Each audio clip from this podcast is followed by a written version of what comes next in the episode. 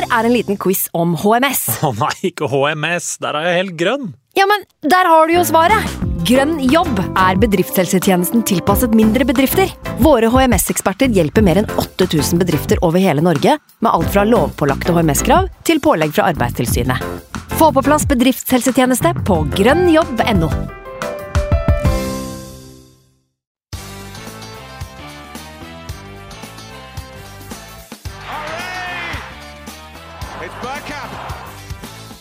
for grabs now! The next station is Arsenal.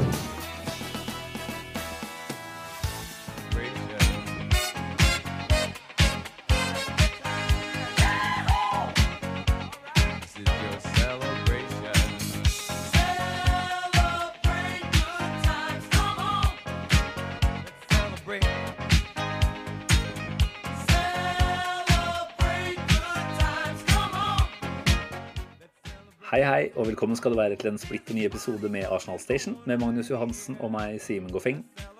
Arsenal viste at de virkelig kan respondere etter en nedtur, og leverte like godt en bunnsolid ti av ti lagprestasjon mot Villa. Men, og dette er et viktig men, vi må slutte å feire når vi vinner deilige fotballkamper. Magnus, hva syns vi om feiringspolitiet som er ute nok en gang?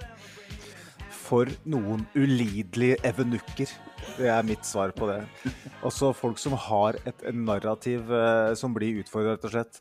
Boksesekken Arsenal som alle skal kunne le av. Om vi faktisk viser at vi er lagd av noe annet enn eh, mashed potatoes, så er det et problem når vi faktisk feirer at vi har oppnådd noe. Nei, bare, det, det er så deilig. Det er så deilig. Jeg elsker det.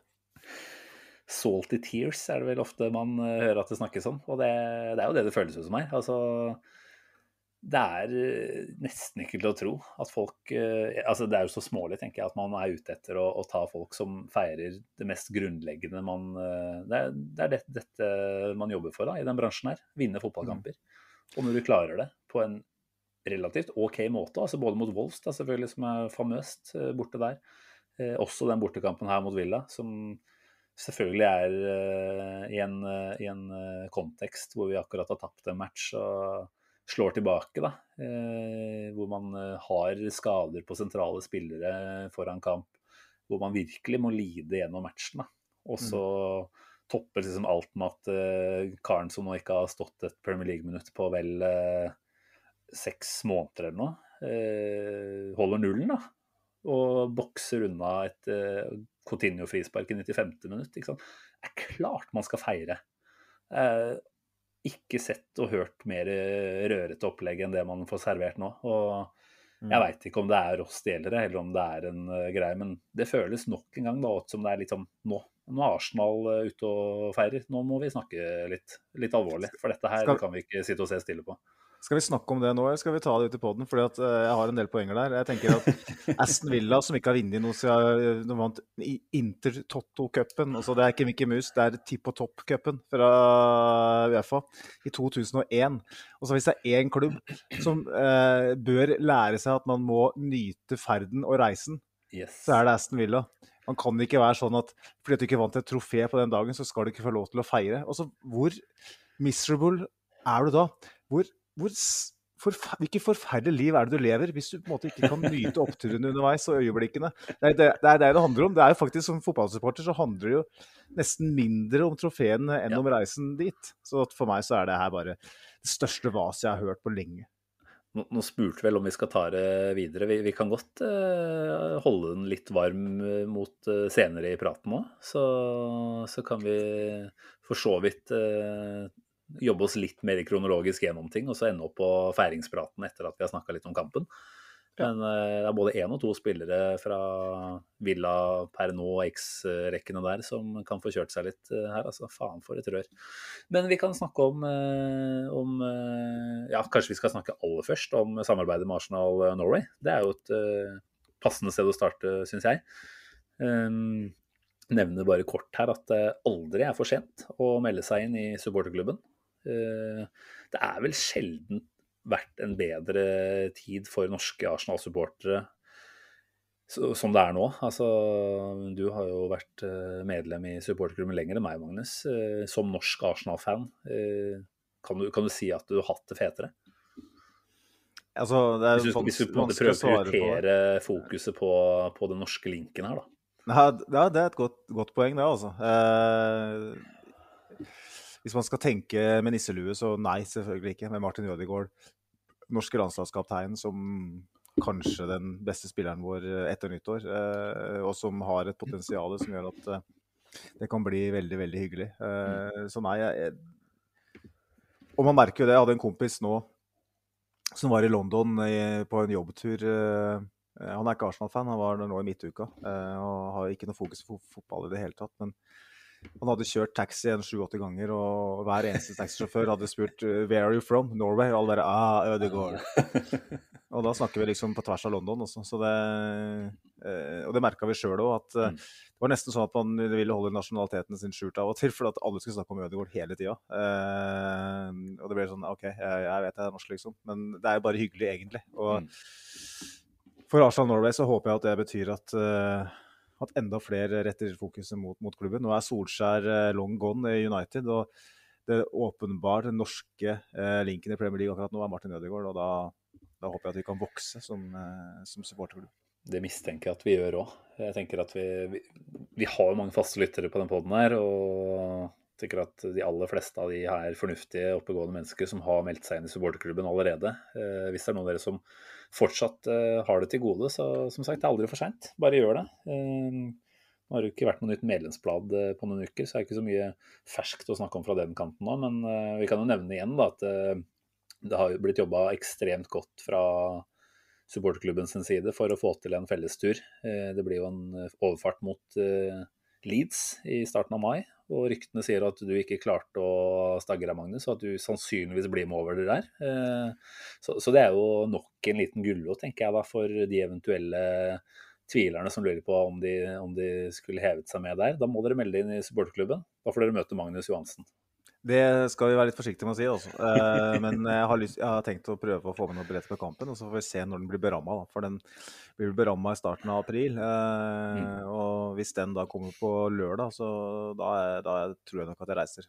Kommer den på søndag kveld, jeg er mer usikker. Men eh, jeg har jævla lyst, fordi det jeg tenker jo at det kommer til å ligge mye i potten i den kampen. eh, og så blir det et ekstremt hyggelig samvær med Nettopp. masse norske Gunners på Emirates Stadium på den fredagen. Vi snakka jo litt med Ronny Perez Madsen om det her når vi var over mot, uh, mot Leicester, og han gleda seg veldig. Uh, og det er jo nestleder Therese Togstad Berg vel, som eh, virker å være litt uh, den som trekker i trådene her. Og jeg så vel på, på Facebook-sida til eh, Arsenal Norway at det, var uh, mye som tyda på at det kanskje var duka for en, et lite legendebesøk der også. Så utrolig mange plusser uh, om du hiver deg med i supporterklubben. Nå syns jeg du omtaler meg på et veldig drøyt vis her, men jeg antar at du kanskje sikter til noen andre enn meg? Da. At det kommer en, en eks-spiller? Altså, jeg har aldri omtalt deg som legende, har jeg det?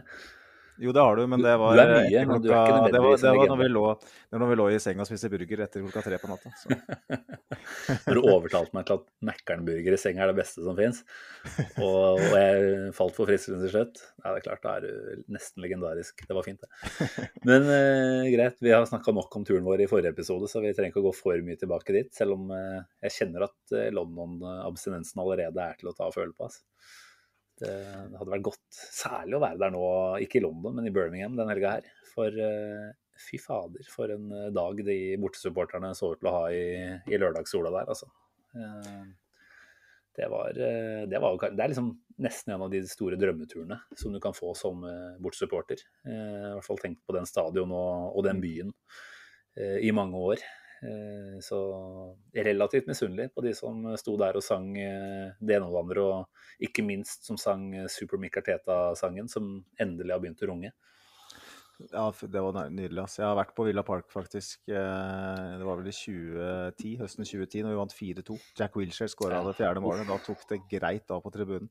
Eneste aberet var at eh, eh, Litt sånn eh, paranoid agenda mot Arsenal igjen. Så, så så hadde Aston Villa bestemt seg for at Arsenal-supportere ikke skulle få servert øl på stadion. Oh, ja. Eh, Det var veldig spesielt. Så vi satt og spiste pai og drakk kaffe for livet. Men det var, det, det, det, var ingen demper på stemningen. Og jeg vet jo at Sivert eh, Eriksen, som var gjest der for et par episoder siden, Mm. han var der i går. Han får jo billetter på alt. Eh, og Han jobber godt, han karen der. han jobber godt, så han, eh, han eh, sendte noen videoer av det, og det så greit ut. Eh, jeg må si det. Nei, det er skikkelig grønn av misunnelse. Eh, Eller unnelse først og fremst, men jeg skulle gjerne vært der. Men eh, kanskje vi skal prate litt om kampen. Syns jo at konteksten rundt den kampen var ekstremt spennende i forkant. Vi snakka litt om det etter Liverpool-matchen, når vi satt og hadde den derre midnattspodden vår sist her. Det var for så vidt en trøtt opplevelse, men vi var jo veldig spente da, på hva er det hva er det vi kan forvente av det laget her nå? Altså respondere bare drøye to døgn etter vi har gått av banen mot Liverpool. Det var vel ikke mer enn det? ikke sant? For en torsdag fri, fredag fri, og så er det på'n igjen tidlig lørdag.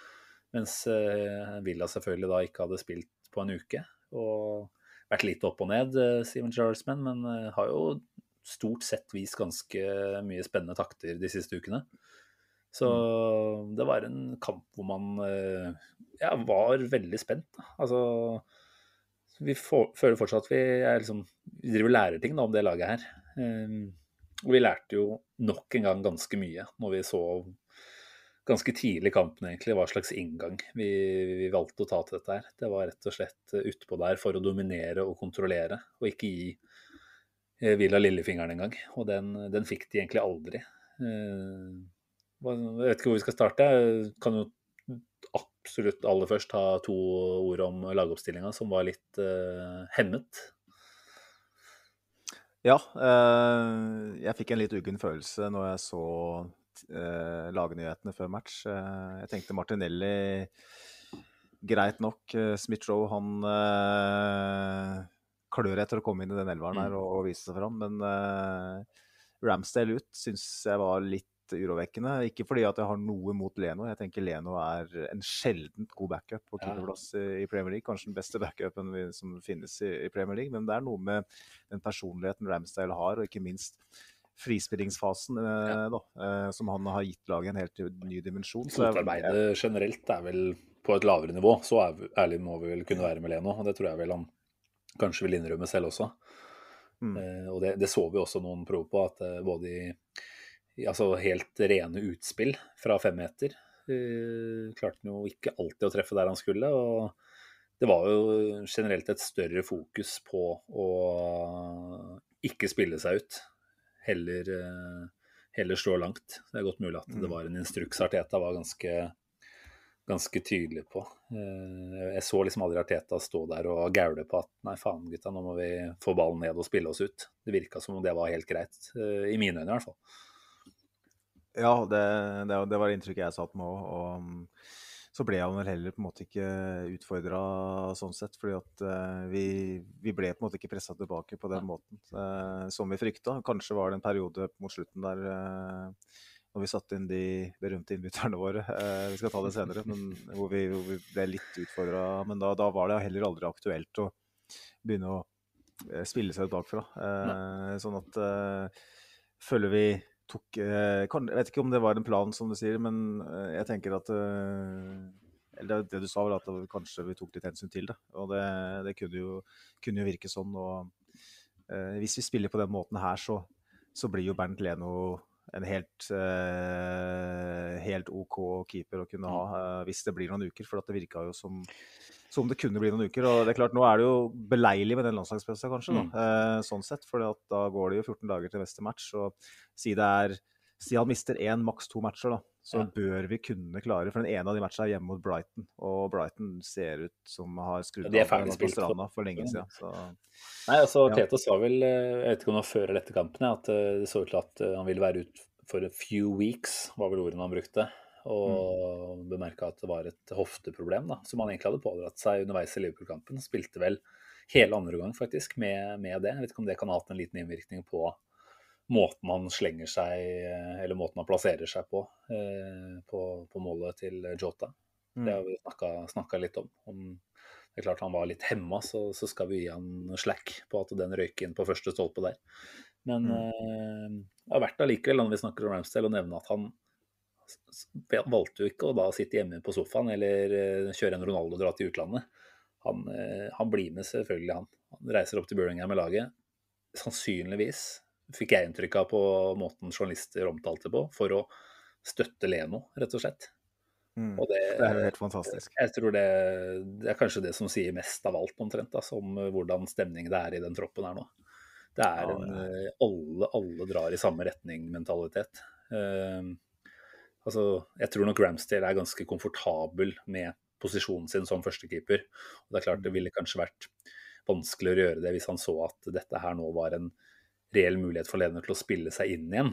Eh, Jeg tror vel det er ganske dårlig skjult hemmelighet at Leno drar etter sesongen. Eh, Det vet vi jo at kommer til å skje.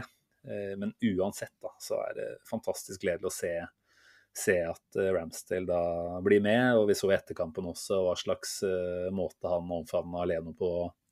Pusha han bort mot eh, bortefansen etter kampen. Det var utrolig gledelige bilder. Man kan si mye fint om Jens Lehmann, men hadde det vært han som var skadet der, så hadde han sannsynligvis prøvd å dope ned Leno før match med noe i teen hans. Jeg kunne ikke sett at dette var Lehmann og Almonia, nei. Det skal godt gjøres. Og plusset plusse ved det òg. Vi liker en gæren keeper, men eh, Ramsdale byr jo på det beste fra alle deler her. Altså både klin gæren og fantastisk eh, type. Så mm, nei, han vokste enda et lite hakk der. Og, og Leno også, da. Må jeg bare nevne det nå i forbifarten. at Snakk om profesjonell, da. Altså, her blir du på en måte danka ut av en ganske stor rypling rett og slett. Eh, som har rykka ned to sesonger på rad. Ja, han er engelsk, og det er et lite pluss, selvfølgelig. Men, eh, men Leno som uh, tysk landslagskeeper, som må se at en 23-åring kommer inn og tar over plassen din, uh, har vel ikke sagt et pip negativt uh, siden han har blitt benka. Har vel kanskje gjort det klart at han må se på hva som er best for sin egen karriere etter sesongen. Eh, men, eh, men vi kunne absolutt ha fått en annen versjon eh, om det hadde vært en annen type enn Leno, eh, som hadde vært med på å skape dårlig, dårlig stemning, rett og slett. Da. Jeg tenker at dette sier både mye om Leno og sannsynligvis en del om måten Arteta evner å kommunisere eh, budskap rundt, og hvordan man klarer liksom evne å få denne lagfølelsen til å være den sterkeste, da, hvor man setter fellesskapet foran seg selv. Så mange pluss i boka til både tyskeren og, og spanjolen i dette tilfellet. Ja, og så, så er det en bekreftelse på at uh, det narrativet som har blitt uh, presentert av enkelte om at uh, Ariteta er en sånn type at hvis du ikke er helt inne uh, at du ikke er på en måte inne i laget, så, Mm. så han, gir deg iskald skulder og vil helst ha deg bort. Han, han klarer å inkludere de som, Mm. som ikke er i elver nå. og han, han har jo gjort ting på treningsfeltet, også ting som The Athletic har påpekt uh, over flere uker nå, at han, han, han gjør ekstre, tar veldig mange grep for at alle i spillerstaden skal føle seg inkludert. Med sånn Mm. type at brasilianerne får sin egen uh, time av lunsj, f.eks., som det ble, ble referert til. ikke sant? Også, ja, men Sånne småting da, enig. som folk kanskje tar for gitt. Jeg, jeg, tror, Jeg tror ikke det er det er så mange som, at Arteta er en perfeksjonist. Ja. Eh, Så til de grader at det er ikke én liten ting han ikke tenker på. Og, og det som er litt interessant, Simen, som jeg kanskje kan ta for deg Eller ta, eh, eh, ikke ta for deg, eh, presentere for deg og gi deg mulighet til å kommentere det der. På den podkasten har vi snakka veldig mye om at Arsenal gjorde en, en tabbe eh, med å gi han an- eh, man- manageransvaret så tidlig. Mm. Var det egentlig en tabbe? altså, jeg, jeg kan jo ikke si at jeg ikke har sagt at jeg var veldig skeptisk til det. Og ikke fordi jeg på en måte undervurderer eh, Artetas evner, men mer fordi jeg eh, tenkte at eh, hvis vi skulle gi han mulighet til å skinne mest mulig, da Altså, jeg har hele tida tenkt på han som en solid taktiker, eh, som en fantastisk dyktig trener. Jeg frykta jo at det å gi han managerrollen så tidlig rett og slett betød at man ville få mindre tid da, til å fokusere på det helt spissa inn mot eh, lag og prestasjon. Men, men selvfølgelig, dette går hånd i hånd. Og nå er det vel en gang sånn at eh, det ikke har vært så veldig mange andre åpenbare gode kandidater til å ta en del av disse andre rollene, da, kanskje opp mot eh, teambuilding og opp mot eh, ja, helhetstenkning da, i klubben. Um, først og fremst, for faen, for en ekstrem ressurs han er. Som, uh, sannsynligvis jobber Jeg tipper han jobber uh, i hvert fall 18-19 timer i døgnet. Jeg tipper, kan ikke se på at han sover mye. Eh, det, er, det er et eller annet som eh, på en måte skal tenkes på eller eh, passes på hele tiden. Og, og det er klart, når vi står her nå Jeg skal ikke si at vi har kommet dit vi ønsker. og Det sier Arteta tydeligere enn noen, at vi er ikke der vi ønsker ennå. Men, men selvfølgelig at han har tatt på seg dette ansvaret og, og står i den hovedrollen som han definitivt har, på en så god måte. Det går ikke an å komme her nå og si at det ikke funker. Men, eh, men det betyr ikke at jeg ikke skal eh, innrømme at jeg var skeptisk tilbake i tid. Jeg ønsket kanskje at man hadde en annen eller andre personer også som kunne ta en større del av ansvaret. Men, eh, men det virker som at Mm. Arteta rett og slett er kompetent på så mange områder at, at det hadde bare blitt dumt om han ikke skulle bli hovedmannen på, på de fleste områder. Det er du, du har jo brukt begrepet å gi nøklene til både Ødegaard og, og visse andre i, i dette laget, men her ga man jo definitivt nøklene til Arteta. I, rett og slett i å lede klubben videre. Da. I å være Ja. den som bestemmer hvordan klubben skal utvikle seg. Og nå er det vel ingen som kan si at det er et eh, feil valg. Nei, altså bare, bare for å presisere det, da. Jeg er redd for at det kan blitt litt uklart. Også. Eh, at han fikk hovedtrenerjobben, det, det er en annen sak. Men det var, vi refererer jo til, at, til den uh, forfremmelsen han fikk da, i Når var det? Sommeren uh, 2020? Ja, det var vel? like etter FA-cup-triumfen at man uh, kjørte på med managertittel istedenfor headcoach. Og det er bare å spole seg tilbake i, i pod-rekka vår, det, så kan man jo høre at vi har vært ganske tydelige i vår skepsis til det. Men eh, ikke, ikke nødvendigvis mot Arteta, men mer mot ledelsen i klubben, da, som rett og slett Mm. kanskje gir Arteta et for stort ansvar her. Og vi frykta at altså, Er det noe vi ønsker og har ønsket hele veien, så er det at han skal lykkes i jobben sin. Og, og jeg frykta at dette ville potensielt kunne være med på å forhindre han fra å lykkes i jobben. Fordi altså, det er ikke noe tvil om at Arsenal som fotballklubb og institusjon har mye bra, men det var også ekstremt mye som måtte endres på. Og kanskje fortsatt må endres på, men, eh, men at Arteta på en måte skulle få nesten ene og alene hovedansvaret da, for å gjøre den endringen både på kulturell front og, og spillelogistikkfront. Eh, Det er, det er lett å tenke at det kunne blitt, eh, blitt litt for tungt for enhver, egentlig. Men eh, Arteta viser seg jo som en Det er nesten fristende å kalle han et overmenneske. ja, vi håper jo det. at det stemmer. Um, men skal vi snakke litt mer om kampen, eller? Litt om kampen. Det var jo ikke den mest eh, begivenhetsrike matchen, for så vidt. Men det syns jeg kanskje er et av de store plussene ved den kampen her. At vi rett og slett nekta vel Villa en eneste avslutning Altså i hvert fall på mål, fram til det hadde gått eh, 95 minutter. Men i første gang så hadde de jo ikke en eneste avslutning i det hele tatt. 0,00 i XG sto det vel til pause. Og på de 45 første minuttene der så hadde jo vi både da med Smith-Roe etter tre minutter eh, hatt en ganske ålreit mulighet. Eh, Saka og Ødegaard hadde noe fint eh, småspill nedover høyresida. og hadde det ikke vært for at Lacassette og Smith-Roe løp litt i veien for hverandre der, så burde det kunne stått 1-0 der. Og så kan jo du få lov til å ta, ta meg gjennom eh, det som skjedde på goalen, hvis du vil det. Og hvis du kan det, for du var jo i bursdag på, på lørdag formiddag. Så du fikk vel bare et halvt øye på kampen. Men jeg mistenker vel at du så, så målet i reprisen noen ganger. Ja, så ulidelig som jeg er å være sammen med når Arsenal spiller, så er det ganske rart at folk eh, til stadighet timer barnebursdager akkurat når Arsenal spiller. Eh, men men eh, det var jo um, Det var jo en uh, situasjon vel hvor uh, Saka var med å, å dra opp angrepet uh, på høyresida. Det var frispark, var det ikke det? Ja, det frispark som vi tar kort, rett og slett. Jeg ser det, kanskje du skal ta det, da, for at jeg var, hadde så mye sukker og melis i- innabords og såpass stort øye på andre ting at bare ender opp med å korrigere deg. Det blir dårlig på deg, det. Men, Ja. eh, men greit. Eh, Saka som, det er jo Cedric som spiller kort i Saka, da, som eh, tar med seg ballen litt før han slipper Cedric ned på høyre. Og det legget til Cedric er jo helt greit nok. Jeg må jo bare si generelt sett at han kan slå inn et innlegg.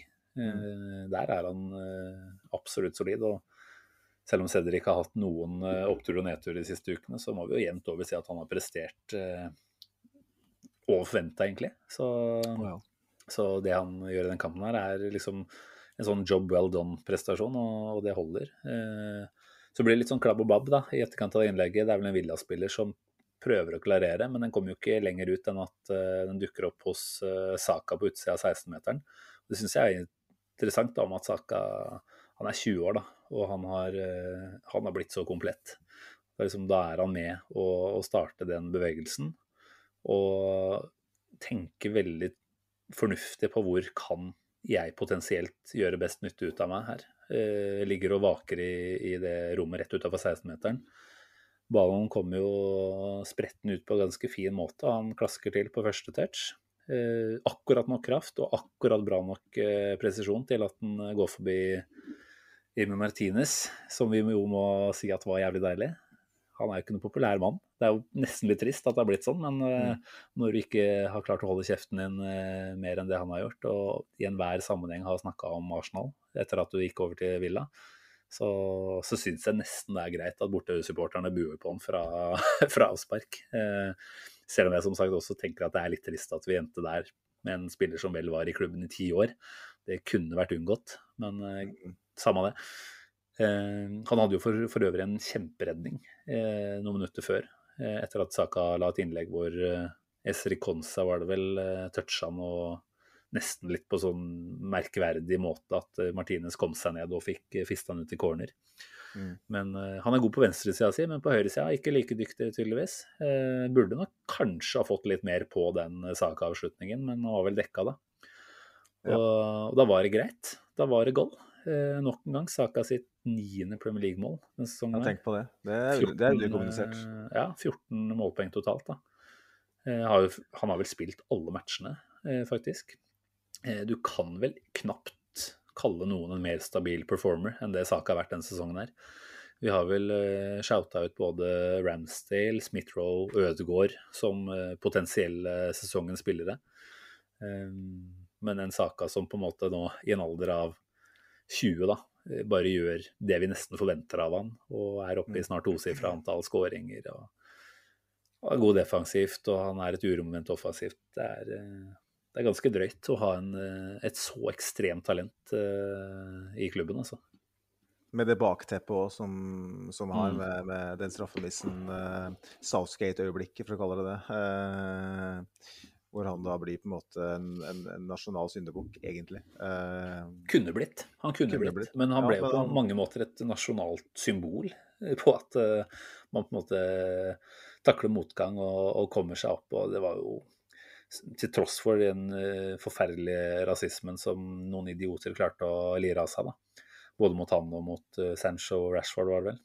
Mm. Så, så var det jo først og fremst en ganske vakker eh, måte å Det ble markert på ettertid der, med tusenvis av brev som ankom eh, London Colony som ble hengt opp på en vegg der. Det er jo noe av de mest rørende bildene jeg har sett på lenge, i hvert fall.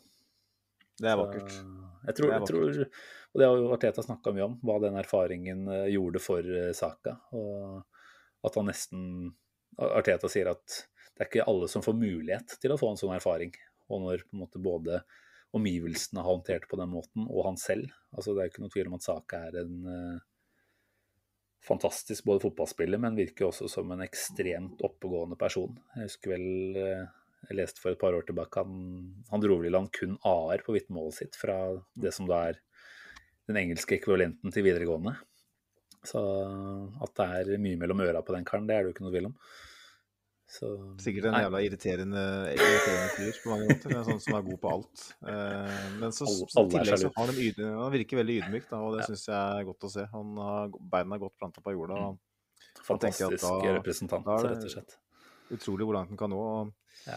Jeg, jeg føler liksom at uh, Vi snakka om uh, i forrige podkast, var det vel, eller var det episoden før, om, om hvem som er årets spiller i Arsenal så langt. Mm. Uh, og da landa vi vel på Ramsdale og Ødegaard, eh, tror jeg. Uh, ja, det var Ramsdale og Ødegaard, hvis ikke jeg tar feil. Jo da, Eller var det, var det ikke sånn? Jo da. Og det er nesten litt sånn jeg tenker på nå at, uh, at Saka burde jo ha vært med i den eh, debatten. Og så tenk det ansvaret han tar eh, mot Villa, da. Mm. Martinelli er ute.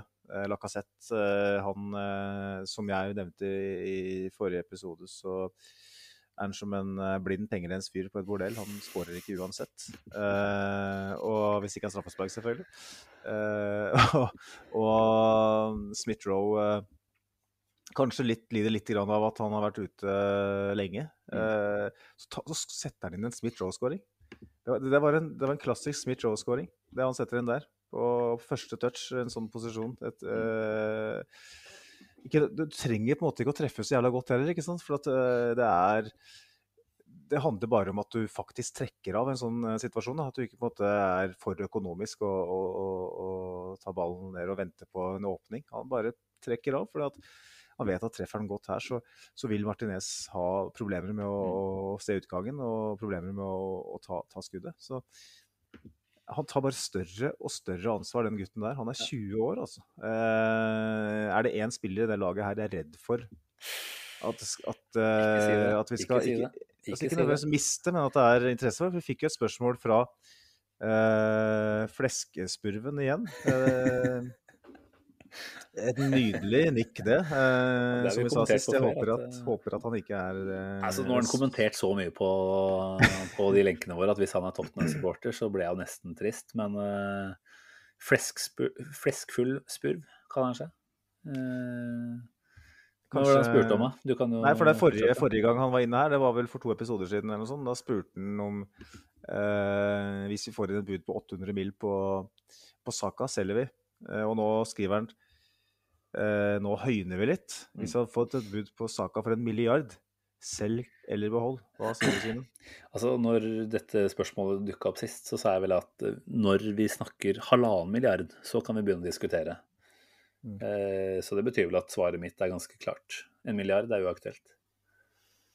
Hvordan skal du erstatte Bukayo Saka for en milliard eh, når du er eh, Altså ikke er Liverpool eller eh, Manchester City, jeg holdt på å si. Eh, Så Det er helt umulig. Ja, Eh, du- det, er, du det, er- det, er ikke, det er ikke noe å diskutere engang. Altså det, det er klart at Hvis han selv eh, presser på for en overgang, så tenker jeg at hvis du får den en milliard for den, så, så har du gjort jævla god business. Da, da, Ja. da får du på en måte en vanvittig belønning for den jobben som legges ned på London eh, Colony, eller akademiet, da, vel å merke. Det er vel Hale End som er riktig begrep å bruke der. Riktig, riktig. Eh, så, så da er jo det en trøstepremie som er ganske svimlende. Men uh, Bukayo Saka det er jo symbolet på, Mm. på det moderne Arsenal. Det det jeg Eh, tenker han kan du ikke selge. Det er, et, det er som å skyte seg sjøl i adamseplet med en uh, gunner.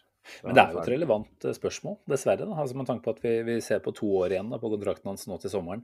Mm. Eh, jeg er fortsatt der at jeg tror at han, uavhengig av om det blir Champions League eller ikke, kommer til å forlenge. Han er 20 år, han har jævla god tid. Men, eh, men selvsagt så føler du at det, både et City og et Liverpool eh, kan eh, finne på altså Når du ser City drar opp, opp en milliard for Grealish, da, som vel er er 6-27 Ja. Eh, klart, hadde de fått Saka for samme pris, så, så er jeg ikke i tvil om at de hadde kasta de pengene etter oss med én eneste gang. Eh, men det er nettopp derfor jeg sier det, at én milliard, nesten småpenger. Det er fælt å si det. Jeg har ikke så mye penger på bok, men, eh, men Du har ikke det? eh, Nei, men generelt, jeg har ikke så mye penger på bok. Nei. Jeg har ikke nok penger til å dra på London-tur ganger to den, eh, den sesongen der. jeg. Så, Da så hadde vi kanskje til. spist noe annet på senga enn Mækkernburger. Men uansett, da. eh, Det er nesten fristende å si at pris spiller ingen rolle da, når det kommer til en spiller som Saka. Eh, Jeg, jeg tenker at eh, han er et symbol, og vi får opp noe sånt her ytterst, ytterst sjeldent. Jeg vet ikke om vi kan på en måte se tilbake til når en egenutvikla engelskmann har tatt det nivået her. Altså, Jack Wilshere er selvfølgelig det åpenbare. Uh, han presterte vel på et kjempenivå i to sesonger i hvert fall, før skadene begynte å dukke opp litt. Ja, men kan, altså skal du være brutalt streng med en, så kan du si én sesong. Ja, jo, ikke sant. Så nå, nå er vi på tredje sesong med Saka, eh, og han har tatt steg for steg. Og nå er han arguably vår eh, viktigste spiller. Eh, Vi, vi snakka vel litt om det forrige på at det er klart, ut ifra hva vi har som backup og sånt, så, så ser vi kanskje heller at han ryker på en liten pause på sidelinja kontra visse andre. Men, men han, han byr på så mye, da. Og igjen, nå er han matchavgjørende. Jeg vet ikke, jeg har ikke de tallene der på hvem som har avgjort flest kamper, men, men jeg kan jo se for meg at han har med det antallet mål og antallet assist har vært med å bikke ganske mange matcher i vår favør. da. Så nei, svaret til fleskspurven Fleskspurven, jeg klarer ikke å si det engang. Vi selger ikke for en milliard. Og så kan vi jo selvfølgelig si at det hadde vært en annen diskusjon om det hadde vært et utenlandsk lag som hadde sikla. Kanskje mer aktuelt på en måte da, men eh, det skjer ikke. Det skjer ikke nå, i hvert fall. Nei, altså vi må bare satse på at vi klarer å koste på å klare den uh, topp fire-plassen, for da slipper vi å tenke på det. Men uh, vi, hvor, hvor var vi i kampen, Simen? Vi hadde vel kommet til målet, og så Det var vel eh, Var det rundt eh, halvtimen der? Rett over Ja. halvtimen? Stemmer. Og Eh. utover i omgangen så var det vel ikke de, de store høydepunktene, egentlig.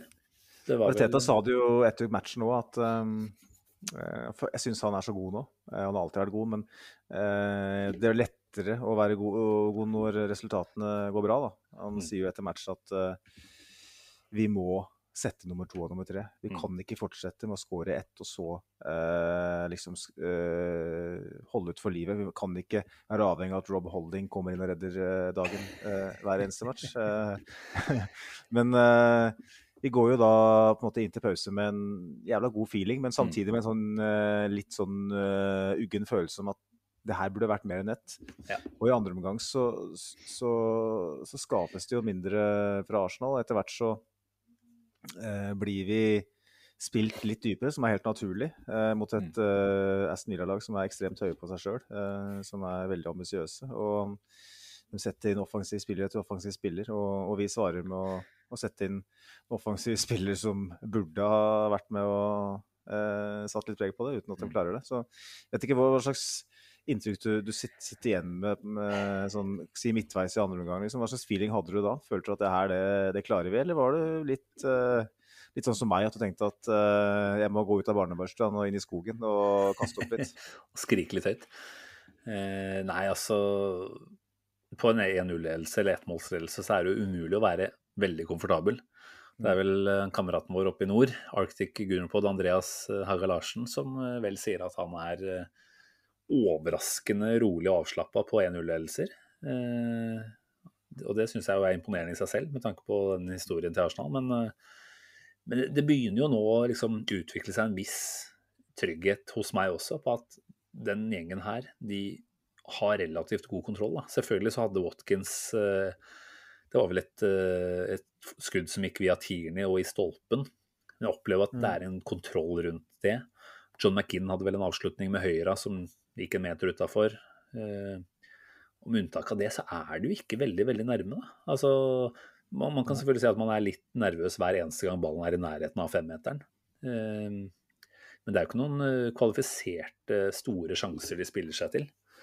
Så litt sånn ref det vi snakka om eh, både forrige pod og i starten av denne her, at vi blir bedre og bedre kjent med det laget her for hver kamp som går. Og vi, vi lærer mer om hva de, hva de har å by på. Da. Og jeg syns jo på en måte at den kampen her nå nok en gang eh, viser at dette er en gjeng som er veldig robust, og som eh, ikke lar seg herse med. Eh, hvor det er prov på ganske solide ledertyper og folk som har en eh, Ja, det har vært mye skjørhet i tidligere Arsenal-ganger.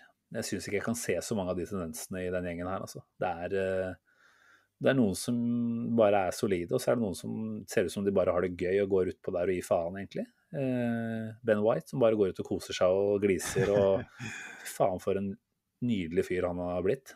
Eh, det er en ro og en selvsikkerhet i det laget her, da. Og jeg tror Arteta altså, Du er jo et bilde på manageren. da. Laget er et bilde på manageren. Og Mm. Jeg syns det er en trygghet. Akkurat som det er en trygghet i å høre på Arteta, så er det en trygghet etter hvert i å, å se det Arsenal-laget her. Selv om det ikke er helt perfekt ennå, det er det jo ikke. Men, eh, men nei, jeg, jeg var ganske ganske komfortabel, altså. Jeg tror faktisk jeg må si det. Eh, selvfølgelig frustrert i noen situasjoner for at ikke vi verken unngår eh, at det blir litt farligere, eller at vi klarer å utnytte en kontringsmulighet litt bedre. Særlig Lacassette har vel en, eh, en sjanse der hvor han velger å skyte. Jeg husker ikke når det var. Det var vel rett før han gikk av. Eh, Så ut som eh, både Arteta og gjengen på sida var ganske pissed på at han valgte å avslutte der. Hvor han kunne ha trilla han videre til om det var Ødegaard eller PP, jeg husker ikke helt. Velger å skyte, og den blir blokkert. da. Så det er klart at å, å drepe kampene, det er, det er det vi må bli flinkere til. Jeg har ikke oversikt over hvor mange ettmålseiere vi har den sesongen, men jeg tror det er en del etter hvert. Så, De siste seks eh, kampene så har vi jo vunnet fem, og fire av dem er jo litt for en seier, da. Så bare mm. det, det sier jo litt, da. Men vi, har, men vi har blitt gode på det, da. Rett og slett. Mm. Som, eh, som, som sagt, han eh, godeste Andreas oppe i nord var innpå. Så um, får vi bare etter hvert begynne å innfinne seg med at den gjengen her eh, den går det an å, ha litt mer hvilepuls eh, til enn en tidligere Arsenal-årganger. Så takk for det. Ja, altså absolutt. Eh, Jeg syns jo at Arteta altså Det er sikkert fordi at jeg eh, er den negative halvdelen av podkasten og er bekymra av natur. Når han satte inn uh, holding på 85, så tenkte jeg at det er litt for tidlig, nesten. Okay. Jeg tenker at Hvis det blir fire minutter tillegg, så kan det bli ni minutter hvor Aston Villa skal stå og pumpe inn i boksen. Setter inn Danny Ings, som på en måte Han kan jo score med alle kroppsdeler i boksen. Han er helt enorm i boks. og jeg tenkte liksom jeg skal bare, jeg er så mye mer komfortabel når vi, vi klarer å ta med oss ball litt høyt til banen og, og på en måte ikke lage litt frispark og drille litt ved cornerflagget og sånn, i stedet for at vi liksom skal legge oss bak. Men helt åpenbart at, at det her er vi kjempegode på. Vi er det eneste laget i Premier League som ikke har sluppet inn på corner sesongen. der. Jeg vet ikke hvor. Jeg vet ikke hvor, Det finnes altså, noen tall på det? Altså, ja, ja. Eh, ja, men altså sånn, er det noe lag som har gått gjennom en hel sesong i Premier League uten å slippe på en corner før? Eh, Du får tagge altså, Orbinio i morgen, så, så finner vi ut av det. for uansett så er jo det en gigantisk prestasjon å komme så langt. Nå er vi i, på kamp eh, nummer 28, er det vel, eh, uten å slippe mål på, på corner. Eh, og det er fordi at vi er eh, kanskje det beste laget i Premier League da, på å ligge i blokk defensivt og, og ta imot mot innlegg. Og det, med tanke på hvilket fotballag vi er, da, og hva vi ønsker å være, så, så er jo det egentlig helt utrolig. Ja, det det. Vi har eh, liksom Ødegaard, Saka, Smith-Roe, Martinelli, sånne tekniske vi er, vi er jo ikke Stoke, liksom, som ligger bak og, og vinner dueller. Vi er Arsenal.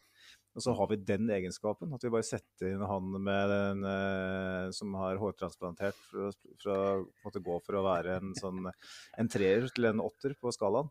Så, så, så, klarer vi liksom hver gang, eh, føler jeg nesten, i en sånn fase, å og, og ro, det land på et vis. da. Jeg bare, ja, Niklas uh, Jover må jo være en, en eh, halvgud. Eh, jeg forstår ikke hvordan det er mulig eh, å få til det her. Jeg syns, jeg syns det på, et, på en måte oppsummerer det inntrykket jeg har av Mm. Arteta sin ledelse, at her er det ingenting som blir uh, eh, hva skal jeg si, neglisjert. da. Ikke en liten detalj i det hele tatt. Alt skal Mm. ses på, alt skal jobbes med. Og eh, komfortabel eh, det, det blir man jo etter hvert, da. Eh, Til og med du. ikke, ikke helt, men, men jeg syns det var eh, eh, Altså, det var jo ikke sånn som det var for noen år siden, at jeg tenkte at her slipper vi den uansett. Man gir nesten opp på en måte når det byttet kommer etter 85, men nå var det mer sånn Ja, ja, det her kan bli litt tøft, da. Men eh, ja. Jeg mister litt munn og mæl her nesten, for at jeg blir så Jeg blir nesten bergtatt og, av, av hvor sjukt det er at vi ikke har skitt så mål på corner. Jeg får hjelpe deg litt eh, tilbake på sporet igjen. da. Eh, Jeg tenker at Vi, vi hoppa glatt over et ganske viktig punkt som vi egentlig burde være Nå ser jeg at klokka går fort her i dag også, eh, men vi burde egentlig bruke litt tid på det. fordi egentlig gjennom kampen, særlig gjennom første gangen, men eh, eh, gjennom kampen som helhet og egentlig gjennom sesongen som helhet, så har vi jo sett eh, én ting repetere seg nå til det kjedsommelige. Og det er jo at eh, Bukayo Saka blir sparka ned. Vi snakka jo om han nå, og at vi klarte å unngå å komme inn på den ekstreme målretta taklingstaktikken som motstanderne har etter hvert på han. da. Eh, vi har snakka om det tidligere, for så vidt, men i den kampen her så blir det nok en gang ganske tydelig. Eh, både Ashley Young er jo på han et par ganger. Eh, det er vel en eh, Jeg husker ikke hvem som var venstrekant på Villa her, men, eh, men eh, han var vel bortpå han. Og så var det jo ikke minst da, denne Taron Mings-taklingen som eh, endte med gult kort. Eh, Jeg ser de såkalte ekspertene eh, snakke om at det er et riktig gult kort. Eh, Han kom jo inn i full fart. Knotter først. Ja, han er langs bakken. Han treffer ballen først. Men jeg tenker at når du har to av fire, da, både den ekstreme kraften og knottene inn der, da bør du nesten Og du treffer. Treffer akillesen. Du ser jo at det var blodutredelse på, på sokken etterpå. Ja. Da tenker jeg at du absolutt har lagt inn en godkjent søknad for rødt kort. Eh, Og jeg tror vi ganske sikkert veit at eh, hadde det vært en Granit Xhaka, så hadde han selvfølgelig røket på rødt der. Vi kan jo snakke litt om Sjaka etterpå, måten han blir behandla på. Men, eh, men bare sånn veldig veldig fort, siden klokka går fort her. Eh, Hva tenker du om den måten Saka blir eh, tatt på også i den kampen her, da? Nei, for det er jo et større poeng. Eh, han sier det sjøl i intervjuet etter match òg, at han eh, Jeg vet ikke helt ordrett hva han sa, men det handla liksom om at han, han føler at han ikke blir beskytta. Mm. Han sa det jo, vi så det jo på vei inn til pause, var det vel. At han gikk og holdt rundt dommeren og vel kommuniserte at nå må du faen meg beskytte meg, rett og slett. Eh, Og dommeren eh, gliste tilbake. Litt sånn uh, møkkatryne på han dommeren, kjente jeg. Um, Helt ærlig, jeg, jeg tenker at dette her ender opp med en eh, skade à la Eduardo, altså. Altså, ikke si det engang. Nei, men jeg, jeg frykter det. Eh, Fordi, det er jo helt forferdelig å tenke på. nå har det blitt altså, Det har blitt en greie da nå. Altså, nå har vi sett det sesongen igjennom. At motstandere får lov til å klippe han ganske godt, egentlig. Jeg tror ikke han har pådratt seg Det er ingen som har fått rødt kort av å takle han. Eller sparka han ned, da, som visse folk også finner på. Mm. Eh, og det, det virker som om det er en slags uh, det, det er tillatt, rett og slett, da, å holde på på den måten her. Og det, er- det er ganske overraskende isolert sett, men enda mer overraskende når vi snakker om en engelsk landslagsspiller som er en profil på det engelske landslaget.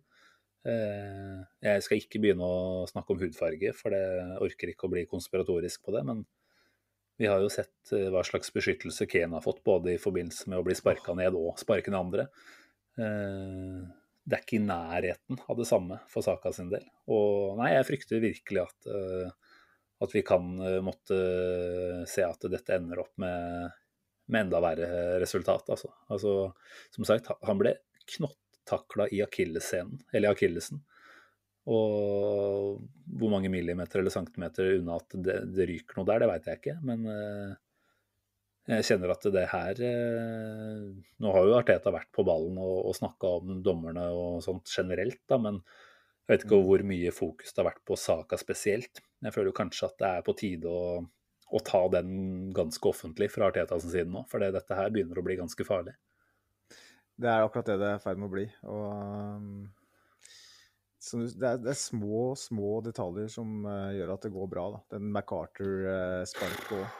treffer han på et litt annet punkt der, så kan jo beinet gå tvers av. Uh, og tenker Mm. på den Palace-matchen Ja, selvfølgelig ja. på hjemme. Og eh, hvis det er slik at eh, at alle på en måte går for å ta han eh, hele veien, så, så har jo dommerstanden et betydelig ansvar. Og vi har Mm. jo absolutt ingen, null, eh, absolutt ingen tillit til at eh, den nevnte dommerstanden kommer til å, til å våkne her, eh, selv om han er landslagsspiller. Vi, det er en ubrukelig gjeng, rett og slett. Og det, det viser dem igjen i den kampen her. og jeg, har- jeg har ikke lyst til å snakke så mye om det, egentlig. Og ikke, spesielt ikke den narrativet om at Arsenal blir eh, behandla annerledes enn andre, men det er det der med Granit Xhaka igjen, også, som er bare helt idiotisk. Han, han får jo da gult kort for en litt sånn eh, Jeg, det er- jeg syns ikke det er en gult kort for Chelsea i det hele tatt. Og det er dommeren benytter argumentet da eh, med å peke tre ganger på banen for å telle én, to, tre forseelser. Så viser, så viser jo tallene og, og fakta at det var den første forseelsen han uh, gjorde. Uh, da, da, da dikter jo dommeren opp to forseelser for at han kunne gi han et gult kort. Thomas Party får det- OK, kanskje skal jeg ta Sjaka først, da. Eh, så føler jeg at Sjaka han lider av å være Sjaka. Eh, og så får Thomas Party igjen og et gult kort for en hoftesving. Så jeg bare sånn her, Hæ, er det her gult kort? Mm. Hva, hva er Mings-taklingen da, liksom? Mm. Kan bare si at Eh, uh, Matty Cash hadde vel i hvert fall fire-fem taklinger i første omgang alene. Fikk vel ikke gult kort i kampen. Nei, det er helt utrolig. Jeg vet ikke om høyrebekket blir, uh, blir skåna. For det Cedric er den spilleren vår som Han fikk gult nå, ja, men uh, jeg ser en del kamper hvor han har funnet lignende greie. Men uh, nei, jeg syns det, det, det, blir bare patetisk, uh, hele greia. det er så åpenbart at Granit Xhaka er en av Jeg vet ikke hvor mange av det er av det, men det er en av de spillere som dommerstanden har bestemt seg for at han er et problembarn. Han Mm. skal vi ta uansett. Det, det hjelper ikke hvor mye han prøver å bedre seg. Og jeg syns jo han faktisk har gjort det, Sjaka. Eh, Jeg syns det er en fin overgang, faktisk. Jeg, jeg syns det, det, er lov å ta to minutter om Sjaka. Altså ikke bare det at han blir urettferdig behandla, men om, eh, om, den spilleren han har vært de siste månedene. Jeg føler at han, Nå, nå har vi egentlig vært ganske rause i hyllesten av veldig mange på det laget her de siste ukene. Men Sjaka er liksom i ferd med å bli en sånn unsung hero som gjør en på mange måter usynlig jobb, men som er et, tenker jeg, veldig viktig en viktig brikke da, i det maskineriet det laget her har blitt. Jeg synes Vi så det, vi snakka litt om dette vi var på Emirates og så Leicester-kampen. At man kanskje i enda større grad, når man ser hele, hele banen, rett og slett, da, klarer å akseptere hvilken viktig rolle han spiller. Altså hva slags solid posisjoneringsspiller han er. Hvordan han balanserer både midtbanen, men også opp mot forsvar og angrep. Han er et bindeledd. Hvordan han løper riktig stort sett hele tida. Eh, og allikevel så, så, står han nå ikke ut eh, på noen som helst måte, verken positivt eller negativt da, i statistikker. Han har jo ikke pådratt seg noe røde kort de siste ukene heller. Så jeg syns det er verdt å liksom Når vi nå snakker om Ødegaard og Party og Saka og flere andre, da, så, så syns jeg det er på sin plass å ikke om, om, ikke på en måte unnskylde at man har vært kritisk tidligere, for det må man jo få lov til. Det er lov å på en måte gjøre både og. Men jeg klarer lett å sitte her i dag og si at Sjaka er en viktig brikke i det laget her. Han frigjør andre i enda større grad. Da. Og selv om det kanskje ikke har vært sånne mann-mann-dueller, så syns jeg det er litt interessant at vi nå de siste kampene har sett han opp mot, om ikke én mot én-dueller, så vi har spilt mot Ruben Neves, vi har spilt mot Douglas Louise nå sist. Spilt mot uh, Juri Tilemanns han var vel kanskje ikke på banen mot Leicester nå, da, men, men han var jo tidligere i sesongen. alle spillere som man har snakka en del om, at kunne komme inn og kanskje ta Sjaka sin plass da, i det laget her. og han har gjort en relativt solid opptreden i enhver av de kampene der, da.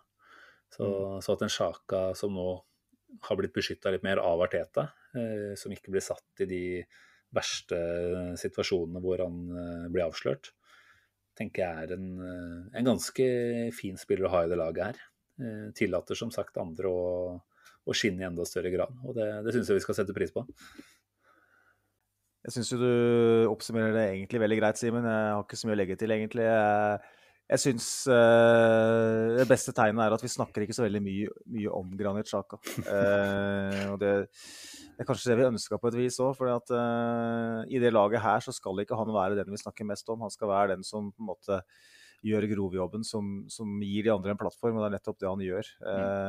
og på sikt så, så, ønsker vi oss noe annet i den rollen. Det her er på en måte en evolusjon som på, på, på sikt kommer til å utelukke han, men fantastisk igjen hvordan han aksepterer sin rolle i laget. Det har han gjort hele veien. Han har spilt så mange roller i, i det laget her de siste to-tre åra. Eh, og har aldri, med unntak av når han klikka et par ganger på banen, så, så, har han aldri gitt noe uttrykk for at han ikke syns det er greit. Så Litt sånn som Bernt Leno ikke sant, kommer inn eh, i går og viser kulturen igjen. At eh, alle spiller sin rolle. og uavhengig av hvor stor den er. Eh, og når en så stor leder og så stor personlighet som Sjaka gjør det, så, er det et eksempel for det andre òg. Absolutt. Nei, jeg syns det, det, er fint at vi Jeg tror ikke han hører på den poden her. Det er vel dårlig med norskkunnskaper også, men uh, føler at det er, det er, mye kjærlighet ute og går fra fansen til spillerne og, og klubben som helhet om dagen. Uh, håper at Sjaka også kjenner litt på den, for han, han har fått mye, mye pes fortjent til tider. Men, eh, men jeg syns jo at eh, det er viktig å liksom vise at vi også setter pris på, på ja, den, eh, både personen han er og den spillertypen han er i det laget her. Da, som liksom, det er vel kanskje noe vi har snakka mest om han rundt. Skal ikke la dette bli en lang sjakapparat nå, men eh, at han alltid har hatt et slags behov for å komme i oppmerksomhetens eh, fokus, da. eh, Begivenhetenes sentrum. Om det er liksom et eh, tullete rødt kort eller et eller annet sånt. Men, men nå er det en sånn usynlig rolle, altså. Og det, det er der vi gjerne ser den videre. En ørliten uh, artig ting som jeg kom over på Twitter her i går, var det vel. Så jeg kan ikke gå helt god for at det stemmer. Uh, men det er jo dette med kort og Chaka. Uh, for det er ikke noen tvil om at han får mange kort. Men, eh, men ifølge den tweeten her, da, som jeg ikke har verifisert noe sted, så har han da altså aldri blitt utvist etter to gule kort. Han har fått en del uh, direkte røde. Fått mange gule, men han har altså aldri fått gult nummer to. Uh, det tror jeg nesten stemmer. Jeg, Ja, er, jeg har tenkt en del over det. det er- kanskje er det en gang, men det er i så fall maks. Og det, og det tenker jeg er ekstremt uh, moro, egentlig. fordi jeg sitter jo da fortsatt og tenker i helvete når han får et gult kort. Nå må vi jo ta han av. Han kommer til å ryke. Men nå har han vært i Arsenal i fem-seks år, vel. så har det fortsatt ikke skjedd. Så um, iblant så, så må vel både jeg og, og andre supportere se oss litt i speilet og tenke at uh, det, er, det er vi som ikke følger godt nok med i timen, rett og slett. For uh, at han er et hothead som, uh, som mister litt, det har på en måte vært fasit, egentlig. Da. Det er det man tenker at det er riktig. Men Det, det er jo på en måte definisjonen på å ikke være et når du ligger på et gult kort og fullfører kampen allikevel. Så, kanskje er det bra hvis han får et gult, da. Eh, han bare må ta det gule tidlig, for da, tidlig. da blir han ikke utvist. kjempe, kjempe Ja, men det er jo strategisk som bare fuck, da. Problemet er jo igjen at hvis han pusher litt for hardt, da, så ryker han på det røde. For vi vet jo at det skal mindre til for at han får et direkte rødt enn en del andre. Men eh, ja. ja men eh, bra. Litt sjakaprat, det, det må vi ta oss tid til. Eh, hva er neste på programmet, tenker du?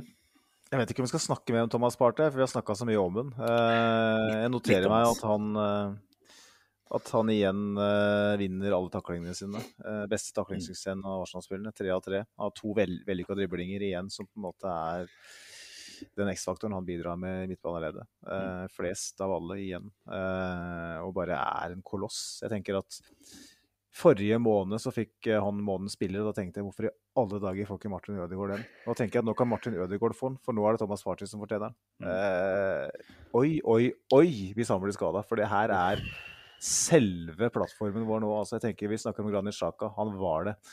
Thomas Party er det. Han er, eh, han er så viktig for det laget her at jeg, jeg tør ikke å tenke på det. Vær- vær så snill. han er. Vær så snill, og ikke snakk om sjak, nei, party og skader i samme setning. Bare hold de to langt, langt fra hverandre.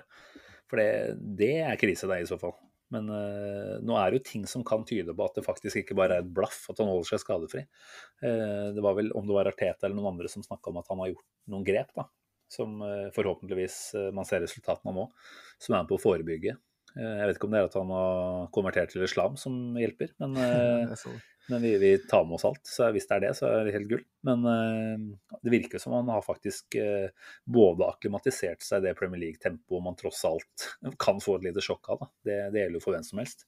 At han i tillegg har tatt noen grep. Og i tillegg, tenker jeg da, har fått kanskje for første gang nå de siste ukene en ordentlig definert rolle i det laget her.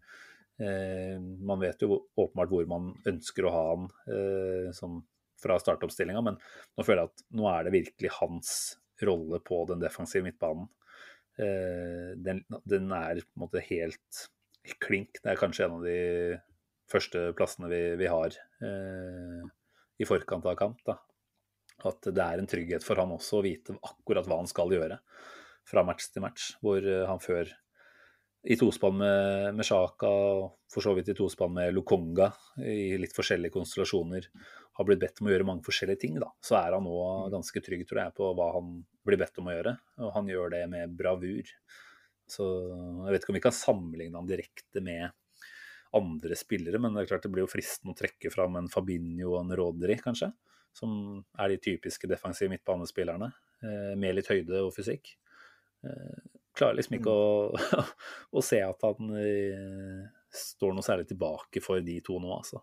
Eh, det er Nei, det er ekstremt, ekstremt eh, kompliment i så fall. Ja, nei, altså det er kanskje lett å si når man er Arsenal-supporter. Jeg skal jo ikke ta på meg at jeg ser alt av City og Liverpool-kamper.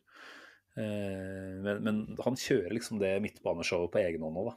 Eh, fra å være litt eh, ruskete i touchen og sånt, så sitter det aller meste nå. Og de vendingene han drar på med én til to ganger i hvert fall per kamp, hvor han rett og slett vender av et helt eh, ledd, egentlig. Det er helt rått å se på. Det var et ganske kult bilde som gikk eh, rundt nå etter den eh, kampen mot Villa, hvor Douglas Louise eh, ligger litt bak og bare du bare ser på hele trynet hans at å, fy faen, dette her er det bare å gi opp. det var liksom, det var så klasse det han holdt på med, da. Nok en gang. Han fikk vel i hvert fall man of the match i, i Arsenal sin kåring. Det, det syns jeg var helt fortjent. Han var eh, gigantisk, rett og slett.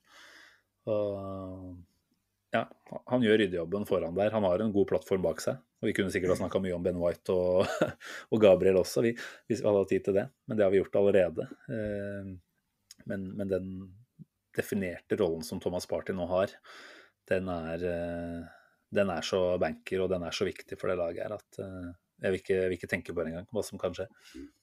Snakka vel Ariteta også om at uh, han så uh, Sambi Lokonga som eh, mer naturlig i den rollen enn i den rollen han har spilt tidligere i sesongen, i den toeren, kan du si. Uh, vi fikk vel et spørsmål om Lokonga som vi kanskje kan ta òg, men eh, jeg føler jo at vi, vi er på vei dit.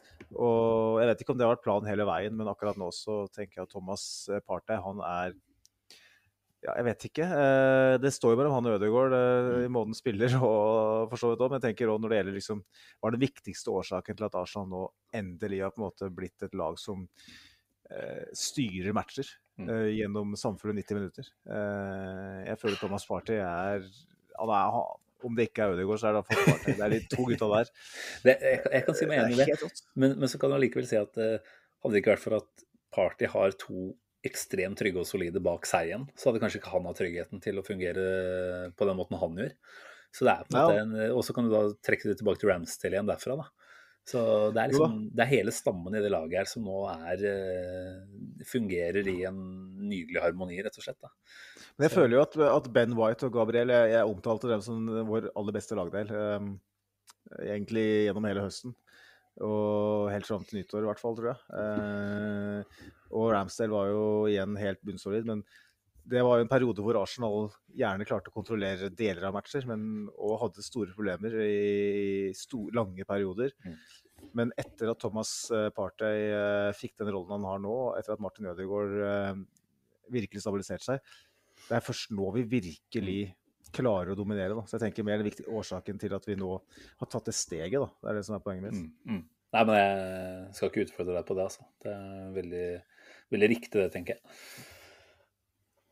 Uh, yes, Uh, vi har jo en del spørsmål, da, for så vidt. Uh, både i etterkant av denne kampen og egentlig etter forrige match òg, hvor vi jo beklaga at vi ikke fikk tid til å ta med alt. Vet ikke hvor vi går videre. O store sosiale medier-orakel. Nei, vi var inne på det spørsmålet Nå har jeg faktisk ikke kopiert det inn i feeden min her, men hvem var det som stilte det spørsmålet? Jo, jeg har det her. Eh, Ja. Fredrik Heierstad. Eh, det er jo et spørsmål som går tilbake til etter forrige runde. Eh, noe tabloid eh, vil jeg kanskje påstå at det er, men han spør rett og slett eh, Lokonga, flopp eller stortalent? Eh, du kan jo få komme med din eh, dom der. Fredrik er jo en av de som eh, vi setter mest pris på her, for han er alltid på og kommenterer og sånn. Eh, jeg syns det spørsmålet her eh, er veldig enkelt å svare på, eh, for å si det sånn. Eh, Lokonga flopp det, når han er, er nei, 2021. Eh, kom fra Belgisk eliteserien. Eh, åpenbart ikke en flopp. Eh, så er spørsmålet om han er et så stort talent som det vi jeg har uh, trodd, da. Uh, og jeg mener jo at det er tidlig å svare på. Uh, jeg syns han klarte seg veldig, veldig bra. Og ettersom sesongen har skrida frem, og så har jo objektivene til Arsenal endra seg. Vi snakka om at topp seks var minstekrav. og, eller ikke minstekrav, det var mer det er det vi håpte på. Og så plutselig sitter vi her nå i i slutten av mars og er i pole position for fjerdeplassen.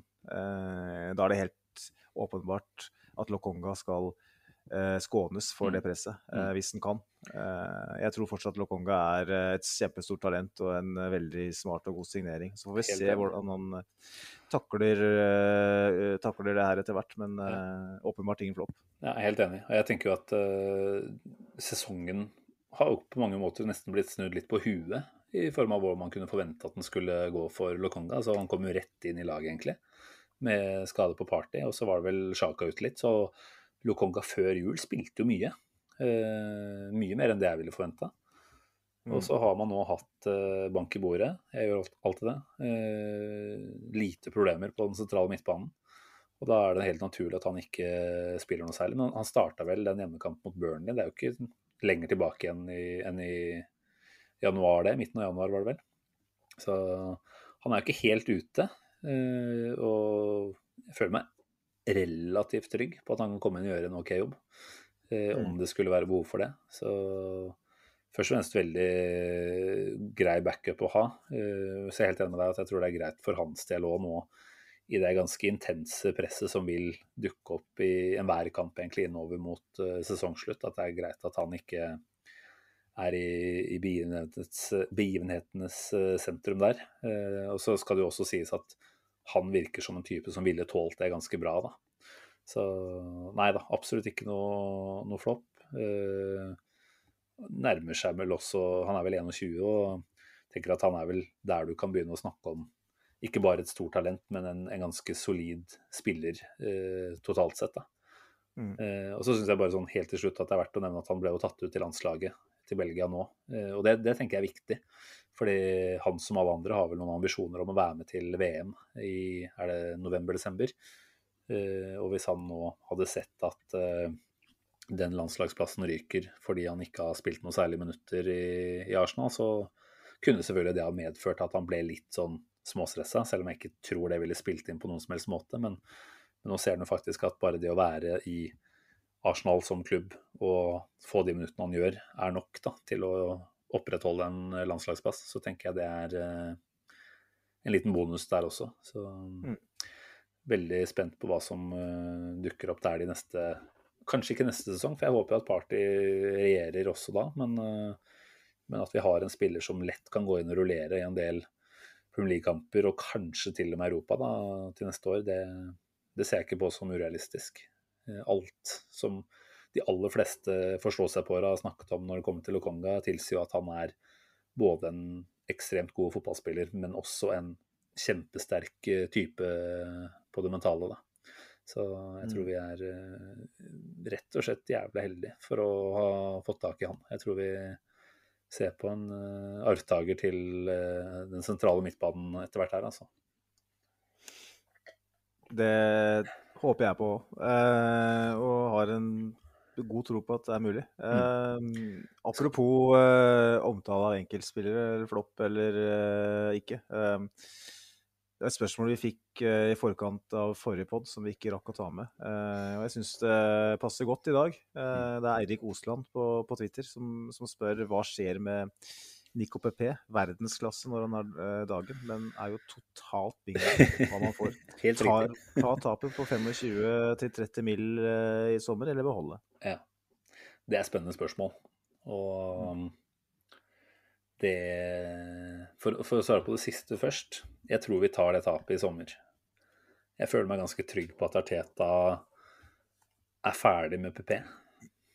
Ellers så tror jeg at vi hadde sett han i enda større grad nå etter Afrikamesterskapet. Jeg har ikke helt oversikten der, men eh, han har jo ikke starta en eneste kamp, Arne. Eh, etter at han kom tilbake fra Afrika. Eh, var han tilbake i Kan det ha vært i sånn midten av Eller starten av februar, kanskje? Eller? Starten, midten av februar. Jeg husker ikke, men det var noen spillepause og sånn der, så jeg Ikke sant? Jeg har ikke helt oversikt, men, men det jeg syns er interessant, det er jo at uh, Arteta da, vel i forbindelse egentlig med at han kom tilbake fra, fra AFCON, uh, var ganske positiv i omtalen og sa at han så en ny PP med en ny giv og en ny innstilling. Um, den given følte jeg var der i starten, og så så vi kanskje at den uh, uh, kom ut i et klimaks mot, mot Wolfs på hjemmebane når vi snudde. Det er jo faktisk allerede en måneds tid tilbake. Eh, Etter den voldskampen så har han jo hatt eh, ytterligere tre innhopp. Eh, Han har kommet på i hver eneste runde, faktisk. Mm. Men jeg syns egentlig ikke han har bidratt med noe. Om noe så var han jo bare destruktiv, nesten. Beklager. Men, men når, du, når du kløner det til på å lage frispark rett utafor 16 i 95 minutt, og gir meg ekstra, også særlig deg, da, ekstra mye hjertebank, det er jo deg jeg føler mest med her, Magnus, så, Mm, så tenker jeg at det er eh, altså Det er ikke det som oppsummerer han, selvfølgelig, men eh, jeg, jeg tror ikke han er en Arteta-spiller. Det har vi egentlig snakka ganske mye om før. Jeg tror ikke Arteta får det han trenger fra PP. Han er ikke trygg nok på ball. Ja, han er et uromoment, og han kan absolutt gjøre det ekstraordinære offensivt, men jeg tror totalpakka PP gir Arteta altfor lite. Og ikke for å på en måte ta Arteta på dette, men når han da sier i etterkant av den AFCON-deltakelsen at han ser en ny PP, så tenker jeg jo litt av grunnen til det er fordi da hadde PP en sentral rolle i Elfenbenskysten sitt lag. Han skårte vel noen mål, spiller på seg selvtillit. Så kommer han tilbake til London, eh, får noen opptredener fra benk. Eh, som sagt, da denne kampen mot Wolverhampton den blir et høydepunkt, egentlig. Mm. Eh, men, men så har jo ikke han fått en opplevelse av at han er viktig i etterkant. Han har jo ikke starta eneste kamp.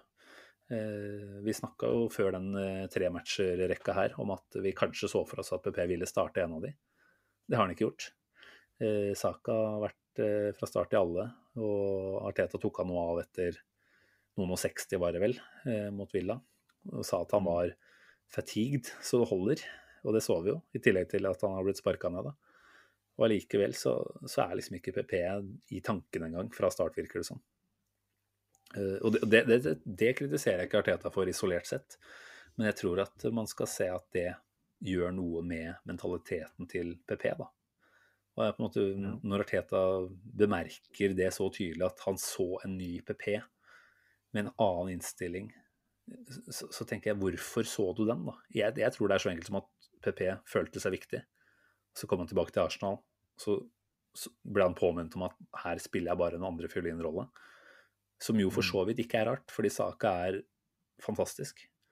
Men uh, man kan selvfølgelig stille spørsmålet ved om man burde klart å opprettholde enda litt mer eh, positive vibes for eh, PP sin del. Eh, Og når Arteta nå, tenker jeg, litt bevisst kanskje ikke har valgt å ha fokus på det, så er det fordi han er ferdig med PP til sommeren.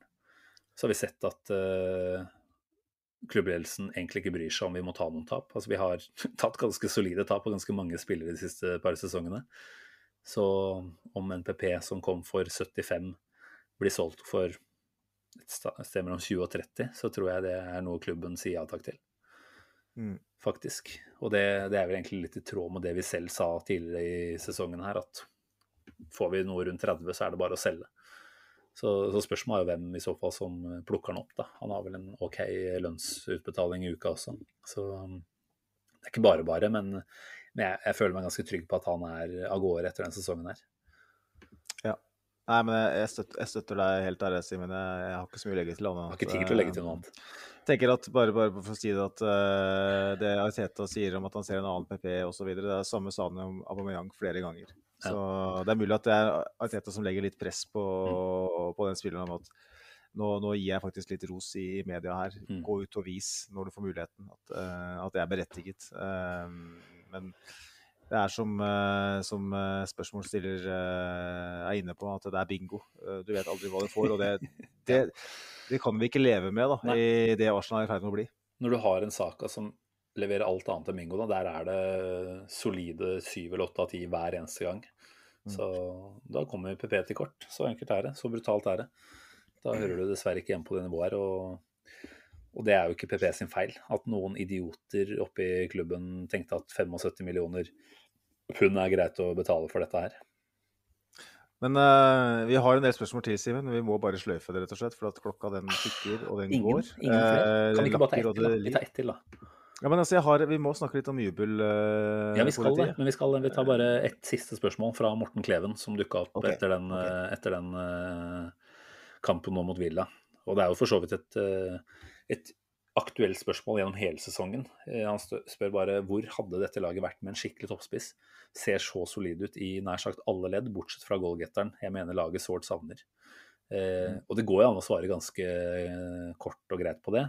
Vi hadde sannsynligvis hatt flere mål, kanskje noen flere poeng, hvis vi hadde en eh, skikkelig toppspiss, hadde vi ikke det?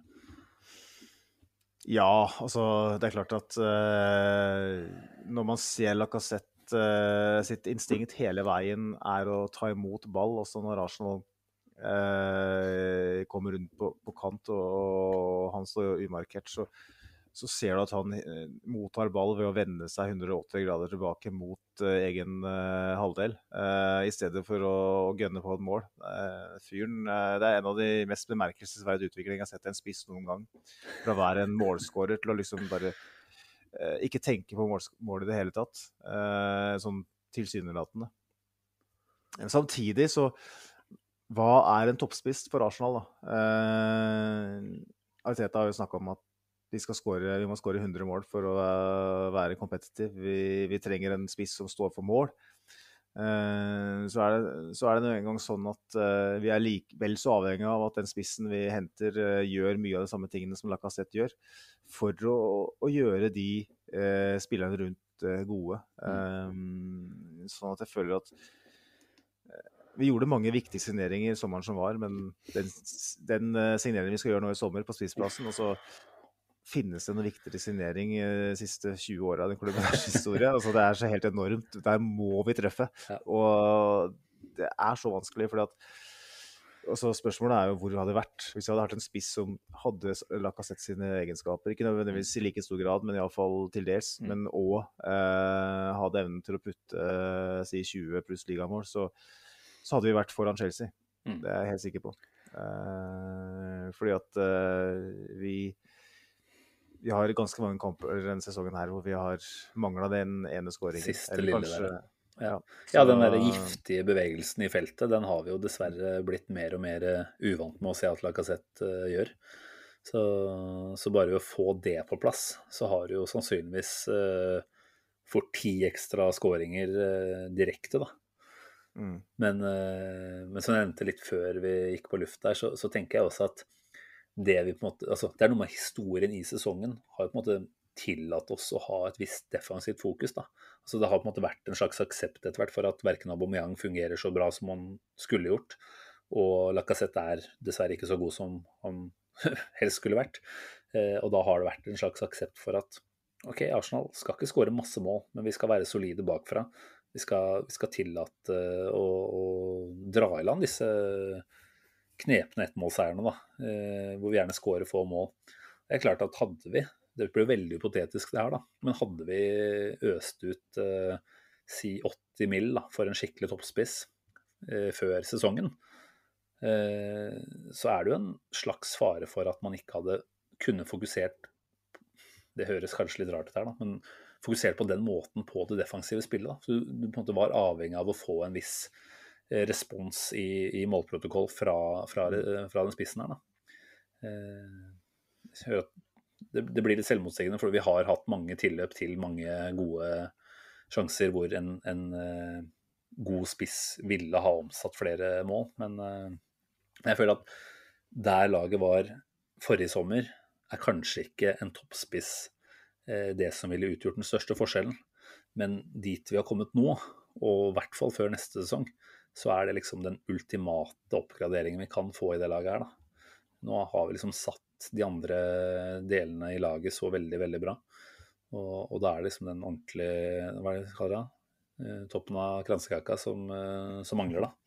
Så får vi på plass det, og det har jeg tillit til at uh, Arteta er ganske klar på hva han ønsker i form av kvaliteter, så, så kan det jo bli ekstremt bra. Og da skal jeg ikke si at jeg tror vi er oppe og nikker med, med Liverpool og City.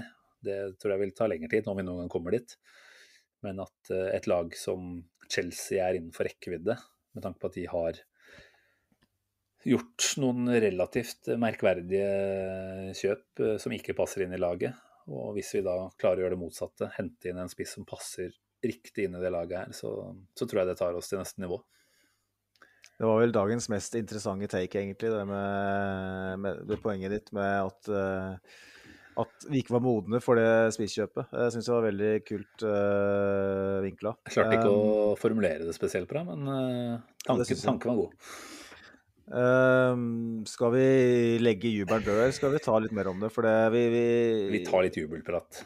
X-spilleren den er lang i dag, bare for sånn til, til Altså, strek og advarsel. Når X-spilleren er tilbake, så kan vi godt vie en time i seg selv til det, tenker jeg. Så den får være så lang som den bare vil. Men vi rekker litt uh, jubelprat før den tid.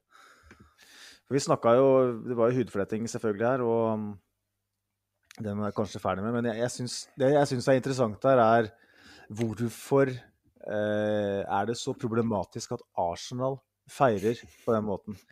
Jeg tror at mange andre lag har feira på akkurat samme måte. Mm. Men Arsenal har i veldig, veldig mange år vært en boksesekk for øvrigheten. Det har vært en klubb som andre eh, har kunne følt en viss skadefryd for, uavhengig av tilknytning. Altså et Aston Villa som kanskje havna nede i championship, kan kanskje kose seg med at Arsenal taper 6-0 på Stamford Bridge en gang. ikke sant? Fordi at, Mm. og kanskje er Arsenal den klubben som alle de båndlaga eller alle de som er på mid midten av tabellen og nedover, tenker at vi gleder oss litt ekstra til å spille mot Arsenal, for at her er det mulighet til å få med seg en skalp. Altså Her kan vi få med oss noe, for at Arsenal er naive, Arsenal er eh, bløte. eh, Kombinasjonen under, eh, av å være en gigantisk storklubb med en fantastisk historie, og i tillegg ha noen svakheter per i dag, da. Det er klart at den er deilig å angripe for mange. Akkurat det narrativet der tror jeg folk er veldig fastlåst ved, for det har foregått over veldig lang tid. Så når da Arsenal plutselig begynner å se ut litt som det Arsenal bør se ut som, så, så har folk vanskelig for å akseptere det. Og det, det, det er spesielt media som på en måte har spinna det narrativet her eh, rundt og rundt og rundt. Vi snakker mye om Spursy, og det er jo på et annet nivå, selvfølgelig. Men kan vi si Arsy? Jeg vet ikke. Men altså, det har vært noe ved Arsenal som eh, som har vært lett å ta Arsenal for. da. Det har vært en sånn, eh, et lett offer for alle. Så det er litt sånn. Litt sånn som Liverpool. Jeg husker veldig godt når Liverpool henta van Dijk. Eh, så var det sånn tenk, Nei, herregud, Liverpool kommer uansett aldri til å klare å fikse opp i det der defensive rommet. De kommer alltid til å kunne klare å styre en fotballkamp eh, mot et svakere lag. De kommer alltid til å rote til hjemme, hjemme på Anfield. Det var et narrativ som vi kjøpte oss inn i, på en måte. Og jeg var en av de som lo høyest når, når eh, Jørgen Klopp eh, tok med seg elveren sin, eller troppen sin for å kjøre bølgen etter å ha spilt 1-1 hjemme mot West Bromwich. Stemmer, stemmer. Eh, og etter hvert så har man måttet bite seg i det. Men jeg tror det er, handler litt om det. da. Jeg tror, jeg tror det plager folk veldig at Arsenal eh, nå viser litt flekker litt tenner. Jeg tror det er vanskelig for folk å akseptere, og det gjelder nesten alle. altså. Mm. Eh, og, jeg vet ikke om du deler den oppfatningen? Jo, jeg er helt enig i mye av det. Og så og så tror jeg jo mye av dette her er drevet av ganske kynisk tankegang om at fokus på Arsenal genererer masse klikk og oppmerksomhet. Altså Neves uh, mot uh, etterkant av den Wolves-kampen. Jeg husker ikke helt hva var foranledningen der. Var det sånn at han ble Var det en smash, på en måte? Var det sånn at det ble lagt opp til at uh, han skulle si det? Eller kom det helt uten forvarsel? Mens nå mot Villa så var det jo Ashley Young da, som var ute i etterkant og, og sa at det så ut som de feira som de hadde vunnet ligaen. Men da var det jo i etterkant av at spørsmålet hadde blitt stilt definitivt med tanke på å få akkurat det svaret. Det var jo en, en reporter, eller om det var en Villa-journalist, jeg veit da faen, jeg, som, som var helt klart ute etter å, å melke dette narrativet her. Eh, og om det er eh, rett og slett for å få mest mulig fokus, det, det kan godt hende. Eh, det ville ikke overraska meg, i hvert fall når jeg ser han Gabriel Gabriel Agbonlahor sitte på Talksport og egentlig gjentar det samme som eh, Young, da. Sier at uh, dette ble for mye og, og sånn. Så da er jeg ikke i tvil. Da er det kun for å pådra seg oppmerksomhet. Så da snakker vi om en uh, Agbonlahor som aldri har vunnet et eneste trofé. Vi snakker om en uh, Ashley Young som vel er best huska for å ha måkeskitt i kjeften. Uh, så, så det er liksom Min take på det her, da, det er at jeg har lyst til å le av det. Og så har jeg bare lyst til å ignorere det. Mm. Og så har jeg lyst til å tenke at faen så deilig det er at det er så mange haters der ute, da. For jeg tror det er akkurat det Arteta ønsker å få til med den uh, gjengen her. Det er å få en sånn alle mot uh, oss-mentalitet. Altså det er vi mot verden. Og jeg tror det, det er liksom det man også ser der ute, da. Når man ser folk kaster seg rundt uh, nakken på Leno, så er det liksom Man føler kanskje at det har blitt stilt tvil til det laget her over så lang tid. da. Og nå viser vi etter at vi har tapt mot Liverpool, at vi kommer tilbake, vinner på Villa Park ved å holde nullen. Vi gjør det attpåtil ved at uh, den nåværende reservekeeperen, som ikke har spilt en Premier League-kamp på mange måneder, kommer inn og gjør jobben sin.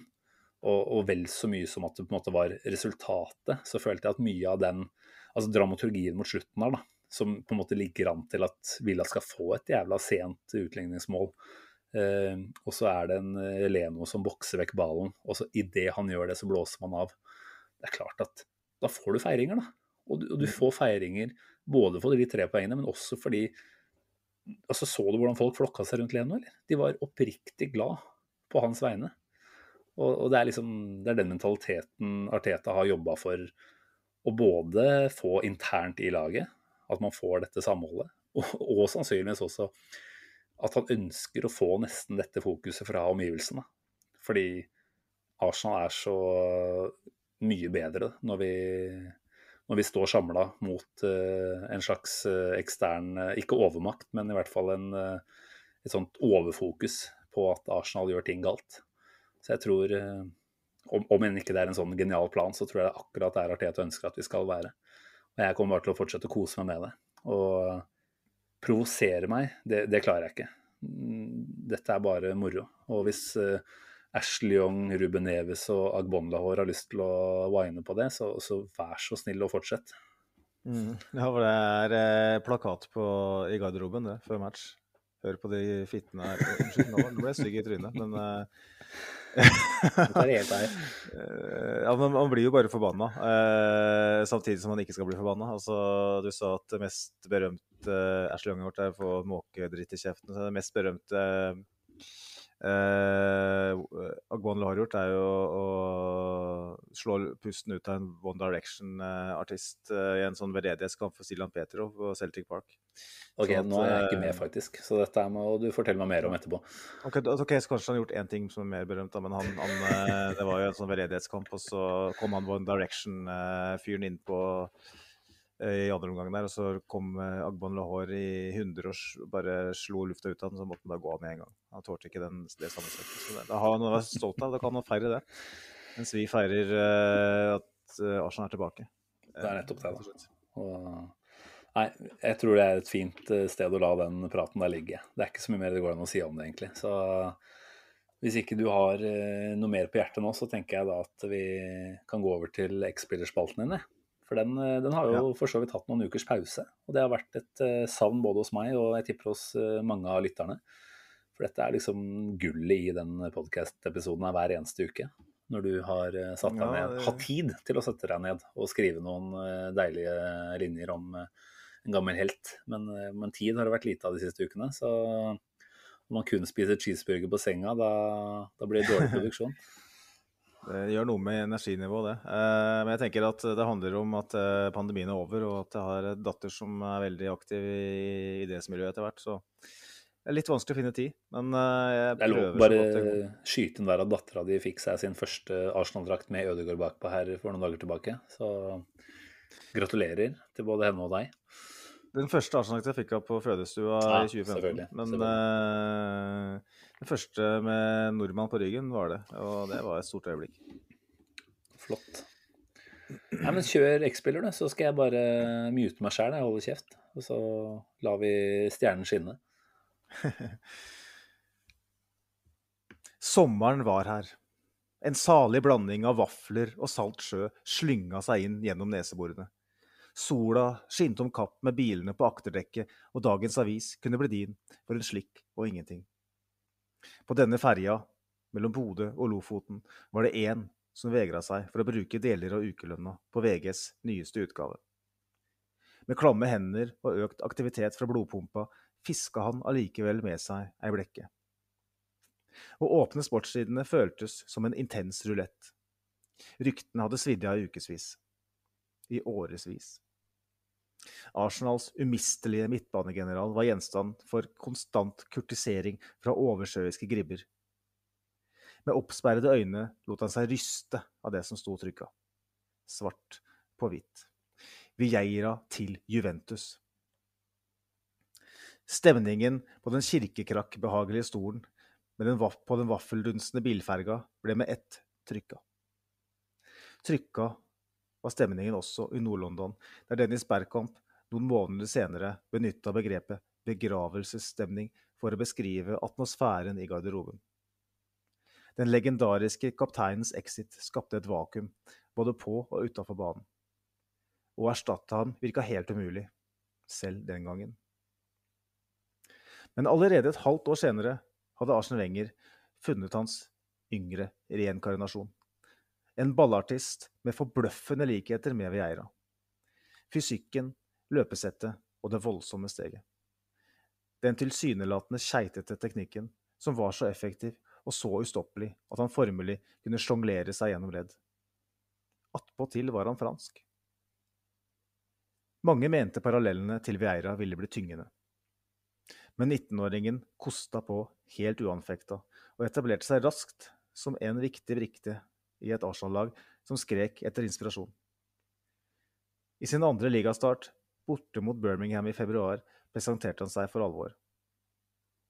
Etter to strake tap i ligaen trua topp fire-toget med røyksignaler. Dagens X-spiller tok på seg flosshatten og vinka med seg resten.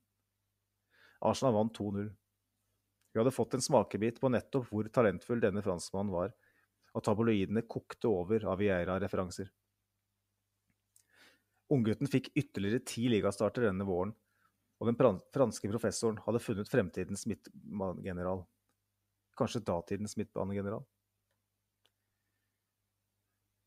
Men lite er strømlinjeformet her i livet. Rundt enhver sving kan skjebnen vente, med brutale og fatale uppercuts. Vår manns skjebne var nettopp en sånn uppercut, i form av en hensynsløs, oppildnet jordfreser. Dan Smith. Dan Smith er mannen som skulle get stuck in and leave something on them. Get in their fucking faces. Come here, Mr. Fancy. Resultatet av disse erkebritiske skylappene, sydd og antrukket av konservative fotballedere, var en karriere i grus. En ekstraordinær artist som måtte bytte ut steppesko med stylter. Dan Smiths skruknotter føk inn i den stakkars Arsenal-spillerens ankel, som ble påført et stygt og komplisert brudd. Wenger raste, men fikk lite støtte fra de erkebritiske og konservative massemediene. Såpass må man tåle, var sjargongen. Stakkars Dan Smith fanger fluer i hånda og slipper dem fint ut via altanen, må vite. På dette tidspunktet var dog håpet på ingen måte over. Dagens X-spiller fikk på seg steppeskoene igjen, til tross for den karrieretruende skaden. Et snaut år etter overfallet var han tilbake på banen. Han var til å kjenne igjen. Tilbakefall etter skadecomebacket og ustabile prestasjoner til tross. Midtballeleganten viste glimtvis prov på storhet. Håpet om at han kunne prestere stabilt, ga fansen håp om at han, sammen med Cesc Fabregas, kunne lede oss inn i en ny storhetstid. Sesongen 2007-2008, som ble hans første fulle sesong etter skaden, var en svært god sesong for porunge Arsenal. Selv spilte han en mindre rolle, men det var tegn som tyda på at noe var på gang. I kvartfinalen i Champions League, på et flomlys, flomlysbadet Anfield, fikk han Liverpool-midtbanen til å se ut som statister. På den største scenen herja han med Gerrard og Shabi Alonso. De kom ikke nær ham. Det var også han som banka inn kveldens første scoring, og Arsenal så ut som et klart bedre lag enn Liverpool. Så, midtveis ut i andre omgang, måtte han kaste inn håndkleet. Det var da kampen endra karakter, og Liverpool snek seg videre med knappest mulig margin. Gjengen i bortesvingen var naturlig nok særdeles skuffa, men de 72 minuttene til dagens X-spiller glemmer de aldri. Og håpet om at han nå endelig skulle ta det siste steget, det virka realistisk. Dessverre mista han store deler av den påfølgende høstsesongen med skade. Det var umulig for ham å komme inn i rytmen. Umulig å finne sin plass i laget. Og det var umulig for Wenger å stole på fysikken hans. I 2009-2010-sesongen skulle han imidlertid få nyte en relativt skadefri sesong. Men det var helt åpenbart at teknikeren bar preg av sine ulykksalige rytmebrudd. Én god kamp ble gjerne etterfulgt av fire-fem svake opptredener. Den taktiske disiplinen virka underutvikla, og avgjørelsen på banen var ikke spesielt skarpe. Et heftig raid ble gjerne etterfulgt av en dårlig tima pasning. Og det skjedde mer enn én en gang at dagens X-spiller skrudde av og lot motstander få en litt for enkel ferd inn i den siste tredjedelen. Han virka rett og slett litt uferdig som fotballspiller, og seila litt på ekstremferdighetene. Også den franske landslagsledelsen hadde klokketro på at den tidligere Klar Fontaine-eleven ville slå ut i full blomst, og i en fem femårsperiode var han ofte å se i troppen til Le Bleu. 16 landskamper for en så sterk fotballnasjon og med en så brokete karriere vitner om et enormt potensial. Dessverre skulle skadeproblemene intensiveres ytterligere, og drømmen om å herje med trikoloren på brystet ble etter hvert uoppnåelig. Nå handla alt om å redde stumpene fra en karriere som en gang virka så lysende. At han var nettopp i Arsenal, og hos nettopp Arsen Wenger, prisa han seg lykkelig over. Arsen Wenger delte gladelig ut ny kontrakt til ham da skadeproblemene tårna seg opp, og han ivaretok sin landsmann på en måte som er svært uvanlig i bransjen. Jeg får aldri takka ham nok, har han sagt i ettertid. Ingen hadde større tro på han enn Arsen Wenger. Ingen hadde større tro på at han skulle komme seg gjennom skadehelvete enn Wenger. Tanken på hva han kunne bli, leda franskmannen til en kanskje naiv håndtering av ham. For skadene kom bare tettere og tettere. I løpet av de to siste sesongene i klubben spilte han kun én ligakamp. Likevel predikerte Wenger at han ønska å gi ham enda en ny kontrakt. Den franske teknikeren hadde da mista om lag fire år av Arsland-karrieren sin pga. skader. Og i løpet av de fire siste sesongene i klubben spilte han knapt mer enn de fleste spillere i løpet av én sesong. Sommeren 2015 gikk kontrakten hans ut, og selv om Wenger innerst inne ville beholde ham, ble det nok klart også for ham at Vieira-arvtakeren aldri skulle bli en Vieira-arvtaker. Og det var emosjonelt for alle med hjertet i Arsenal da han omsider forlot Nord-London. Alle håpet vi at det skulle ordne seg. En så fin fyr og en så god ambassadør. En spiller med unike evner og, og et helt ekstremt talent. Ferdigheter alle lag på planeten sikler etter. Men det er også betimelig å påpeke at alle referansene til Vieira kunne være tyngende. Selv om de fysisk og teknisk hadde oppsiktsvekkende mange likheter, var dagens X-spiller aldri den karakteren eller kolossen Vieira var. Der Vieira leda troppene og styrte midtbanen fra dypet, var hans yngre landsmann en mer offensiv type, som trengte mer frihet for å lykkes. Trolig ville han aldri kunne påtatt seg det taktiske og mentale ansvaret på samme måte som Vieira. Til det var han grunnleggende for annerledes i hva personlighet angår. Kanskje kunne han blitt noe i nærheten av Yaya Touré. Om ikke Dan Smith hadde vært så oppildna av sin erkebritiske fotballutdanning. For det er ingen tvil. Den 29. april 2006, drøyt tre måneder etter å ha ankommet N5, endte i realiteten Arsenal-karrieren hans. Den Arsenal-karrieren han skulle ha hatt. Og selv om vi hadde mye glede av ham de påfølgende ti årene, er dette en historie om hva som kunne vært et skadehelvete uten sidestykke i moderne Arsenal-historie. Og en grufull start på fortellingen, som etter hvert også skulle omfatte Eduardo da Silva og Aaron Ramsey. Kun sistnevnte av de tre kom seg helskinna gjennom. Fantastiske Abu Diaby ble aldri den samme. Fy faen, jeg kjenner at jeg I tillegg til å storkose meg, så kjenner jeg at jeg dirrer av sinne når du gjenopplever den eh, Arsenal-karrieren her også, Magnus. Det er sånn største what if-spilleren man nesten har. Eh, I hvert fall i min tid som supporter. Eh, altså, tenk, tenk å altså, Skal ikke si at alt ble ødelagt pga. Dan Smith. For det er jo klart det sitter mellom øra på enhver spiller og hvordan man reagerer. Men det er, det er rett og slett å, å bli ødelagt på mange måter, da.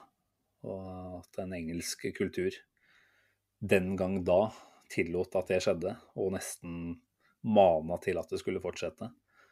Eh, og at det nesten er litt på linje med det vi, vi snakka om det tidligere i dag, om eh, Bukayo Saka. Det, er til å rett og slett kjenne at eh, hårene reiser seg litt på ryggen, og at du blir skikkelig, skikkelig sint altså, på, på den gjengen i svart som skal beskytte disse talentene her. Først og fremst er det talentene som skal beskyttes, og så får de skitne bulldoserne av noen forsvarsspillere heller komme i andre rekke. Men, eh, men sånn var det ikke i det tilfellet her, og det, det er trist å tenke på. Eh, lett å bli yr når du ser Diaby i fullt firsprang. Altså i tillegg til Jeg vet ikke om du nevnte jeg, jeg hørte etter, men, men, jeg kan ikke si at jeg hørte at du nevnte den bortematchen mot Liverpool i 12-13-sesongene, var det vel? Disse lilla og svarte bortedraktene. Var du inne på den? Nei, det var en annen Liverpool-kamp. Ja, ja, ja. Hadde vel sine to beste kamper, kanskje. 07-08 var jo fantastisk, selvfølgelig. Og vi kan godt snakke mye om den kampen der, og hvor jævlig urettferdig det var at ikke vi gikk videre derfra. Men også den 12-13 i disse nydelige lilla og svarte bortedraktene, var det vel. Som eh, hvis min eh, bror eh, Sverre hører på her, så må jeg bare si at jeg er fortsatt ganske jævlig sur på deg for at du mista den drakta. Diaby 2 med Arsenal-tall på den drakta der, den var fin, altså. Så nei, Diaby var Han var jo god, han var jo det. Men hva som kunne ha blitt, det, det er nesten litt trist å tenke på. Men en veldig fin gjennomgang du kom i, kom i havn med her, altså, Magnus. Jo, takk, takk. For lang, det var den ikke minst. Ja, den ble altfor lang, vet du, men uh, det er en historie som uh, fortjener å, å, ta med aspekt, de fleste aspekter fra, fordi at uh, den er komplisert. og Man kunne snakka bare om om skader og helvete, men man må også snakke om den spilleren han, mm. han, var og ikke minst kunne vært. For jeg føler at um, jeg så den kampen mot Birmingham i, januar, nei, februar 2006.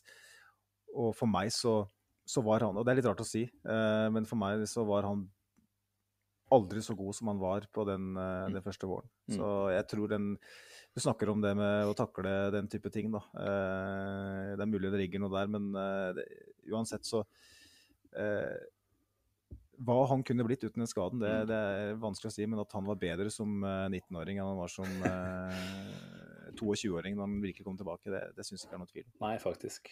Nei da, vi, vi, vil aldri få vite. Men uh, igjen en litt sånn fin greie allikevel, da, når det ble som det ble. At han allikevel er der og hyller en Wenger som uh, holdt uh, armen over skulderen på han og sørga for at han hadde en viss trygghet, i hvert fall. For det er klart, med den karriereutviklinga han hadde, så er det lett å bli kasta under bussen av et ganske kynisk bransje. Så at Wenger fortsatte å holde det gående der, selv i de verste periodene, det, det syns jeg er en fin, fin greie i seg selv. Det er veldig fint. Samtidig så, så på grensa til naivt ja. uh, på slutten der. Uh, ikke ødelegg det. Er, det er ikke den eneste historien som er i den banen når det gjelder Wenger. Det å, Nei, jeg vet det. Jeg vet det. Han er, var en det er ikke rart vi er glad i Arsen Wenger, da. Eh, fordi han er en av de få i bransjen som er sånn genuint eh, god. Du, du, kan vel absolutt, eh, absolutt, diskutere om det er forenlig med å bedrive den absolutte, absolutte topp, toppidretten. Eh, det er kanskje behov for å være mer litt mer kynisk overfor undersåttene sine enn det Wenger hadde. Mm.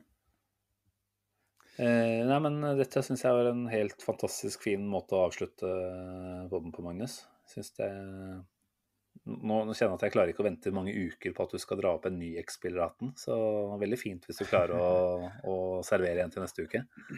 Kan du følge datteren på idrettsskolen på onsdag? Går det bra? Jeg kjører opp til Løten, det går fint. da. Tar en tur opp, og så, så bytter Kan ikke vi bare bytte roller en ukes tid, da? Kan jeg leve livet ditt, kan du leve livet mitt, og så ser vi åssen det går? Ja, vi kan godt prøve det. det største... jeg tror det er visse folk som har eh, motforestillinger der. Og det, det handler først og fremst om at Sili ikke liker at eh, jeg spiser burger i senga. Så du hadde fått det tøft her i huset.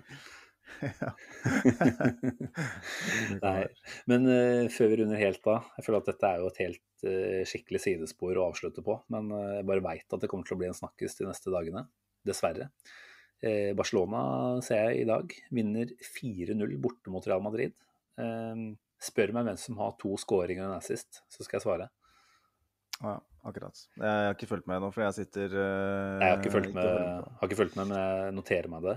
Og um, da er det jo dessverre sånn at eh, noen Altså, jeg skal ikke si noen navn, for det jeg føler ikke at visse personer fortjener en mention engang. Men uh, den aktuelle personen jeg sikter til her, har vel jobba i Daily Mail og har vel blitt omtrent uh, dømt for å for å eh, avlytte telefonen til eh, foreldre som har mista dattera si, eller et eller annet sånt. Altså, vi, er, snakker på det nivået der. Og han sitter jo da nok en gang, nå i kveld også, og etter Arteta på Twitter for at eh, man lot Aubameyang gå. Og da, da syns jeg det bare er på sin plass å avslutte med at Aubameyang selv her om dagen ble spurt om akkurat dette her, og sa iblant så er det vel bare vinnere. Og det tenker jeg. Det er det vi må akseptere. At Aubameyang, om vi syns det er trist eller fælt, eller hva vi tenker, så var det noen gang sånn at det hadde gått seg fast. Han var ikke lykkelig i Arsenal, Arsenal var ikke lykkelig med Aubameyang. Han fikk gå videre, Arsenal har gått videre, og, og nå ser vi at uh, han har fått en liten reinkarnasjon, og det unner jeg han. En fantastisk herlig fyr som vi selvfølgelig unner alt godt. Arsenal har en harmoni som vi ikke har sett på årevis. Og jeg skal ikke si at Aubameyang som person hadde potensielt vært en demper på det, men eh, det er noe med helheten i en, eh, i en eh, spillertropp. Da. Og jeg tror at det å ha han der fortsatt ville kunne bydd på utfordringer, naturlig nok. Så, så jeg tenker at iblant så må visse folk bare holde kjeften sin. Og, og så må man bare tenke at det var ikke meant to be. Eh, Det var fint i de sesongene det varte, og nå har vi gått videre, og that's it. Og We've got Super Mick Arteta Og så kan vi ta den derfra, ikke sant? Nå er vi på linje med Arteta, og da tenker jeg at uh, folk som bruker dette her mot han uke inn, uke ut, bare fordi man scorer et mål i La Liga, må faen meg ta seg en bolle. Takk. En som, er, en som er trist med det, er at Barcelona profitterer på det. Eh, Utover det så er det bare hyll og gammen. Det klarer jeg ikke å bry meg veldig mye om, kjenner jeg. Nei, det, altså Jeg bryr meg ikke så hardt om det, men jeg hater jo Barca, egentlig. Så Etter det der Fabregas og. Henry-sagaen og sånn. Men uh, utover det så er jeg helt enig med deg. Fint. Nei, men da, da tenker jeg vi runder av der, jeg. Og så er det jo landslagspause nå, så vi får se når vi snakkes igjen. Men vi, vi liker jo ofte å podde en søndag kveld. Ikke alltid de vi bor med liker det, men sånn er nå livet. Jeg har ikke nevnt William i dag heller, så det, Fuck deg. så Fuck deg. fint. Klarte du det der, vet du. Ja. Nei, nei, men eh, det tenker jeg William er et uh, ultimat sted å avslutte i dag. Yes, Takk for laget, Magnus. Vi får ta en tur til London igjen om ikke så altfor lenge. Nå, nå kjenner jeg at jeg allerede savner trynet ditt. Så én time og tre kvarter her i dag, det er liksom ikke nok til å veie opp for det å ligge i en liten dobbeltseng, altså. Jeg skal tenke på deg når jeg tar den siste formferien fra Kosen. Takk for det. Takk for det. Yes. Og tusen takk til deg som lytter. Det setter vi som alltid veldig stor pris på.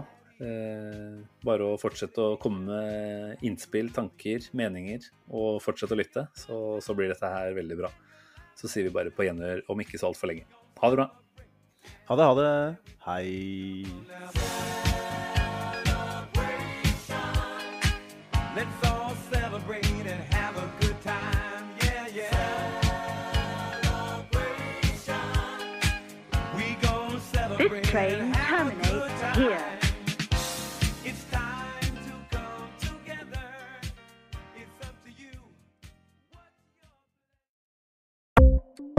Ukens annonsør er HelloFresh. HelloFresh er verdens ledende matkasseleverandør og kan være redningen i en travel hverdag. Mange av oss har nok vandret i butikken både sultne og uten en plan for middagen, som ender med at vi går for de samme kjedelige rettene gang på gang. Middag burde være dagens høydepunkt. Som HelloFresh kan du nå velge mellom 25 ulike retter hver eneste uke, eller få HelloFresh til å sette sammen menyen for deg. Dette gir deg muligheten til å prøve nye og spennende retter alene eller sammen med familien. Du velger antall porsjoner og får alt levert på døren på et tidspunkt som passer for deg. Oppskriftene er enkle, og maten er lett å lage både for store og for små. Ved å få alt levert hjem får du også mer tid til å dele matgleden med familie og venner. Kanskje det frister med asiatiske tacos eller greskinspirert kylling? Da kan jeg anbefale deg om å gå inn på hellofresh.no. Her kan du bruke koden FOTBALL og få opptil 1779 kroner i rabatt på de første fem matkastene hvis du ikke har prøvd Hello Fresh tidligere. Du kan også bruke rabatten hvis du har vært kunde og stoppet abonnementet ditt for tolv måneder siden eller lengre. Gå inn på hellofresh.no og bruk koden FOTBALL. Har du et enkeltpersonforetak eller en liten bedrift? Da er du sikkert lei av å høre meg snakke om hvor enkelt det er med kvitteringer og bilag i fiken, så vi eh, gir oss her, vi. Fordi vi liker enkelt. Fiken superenkelt regnskap.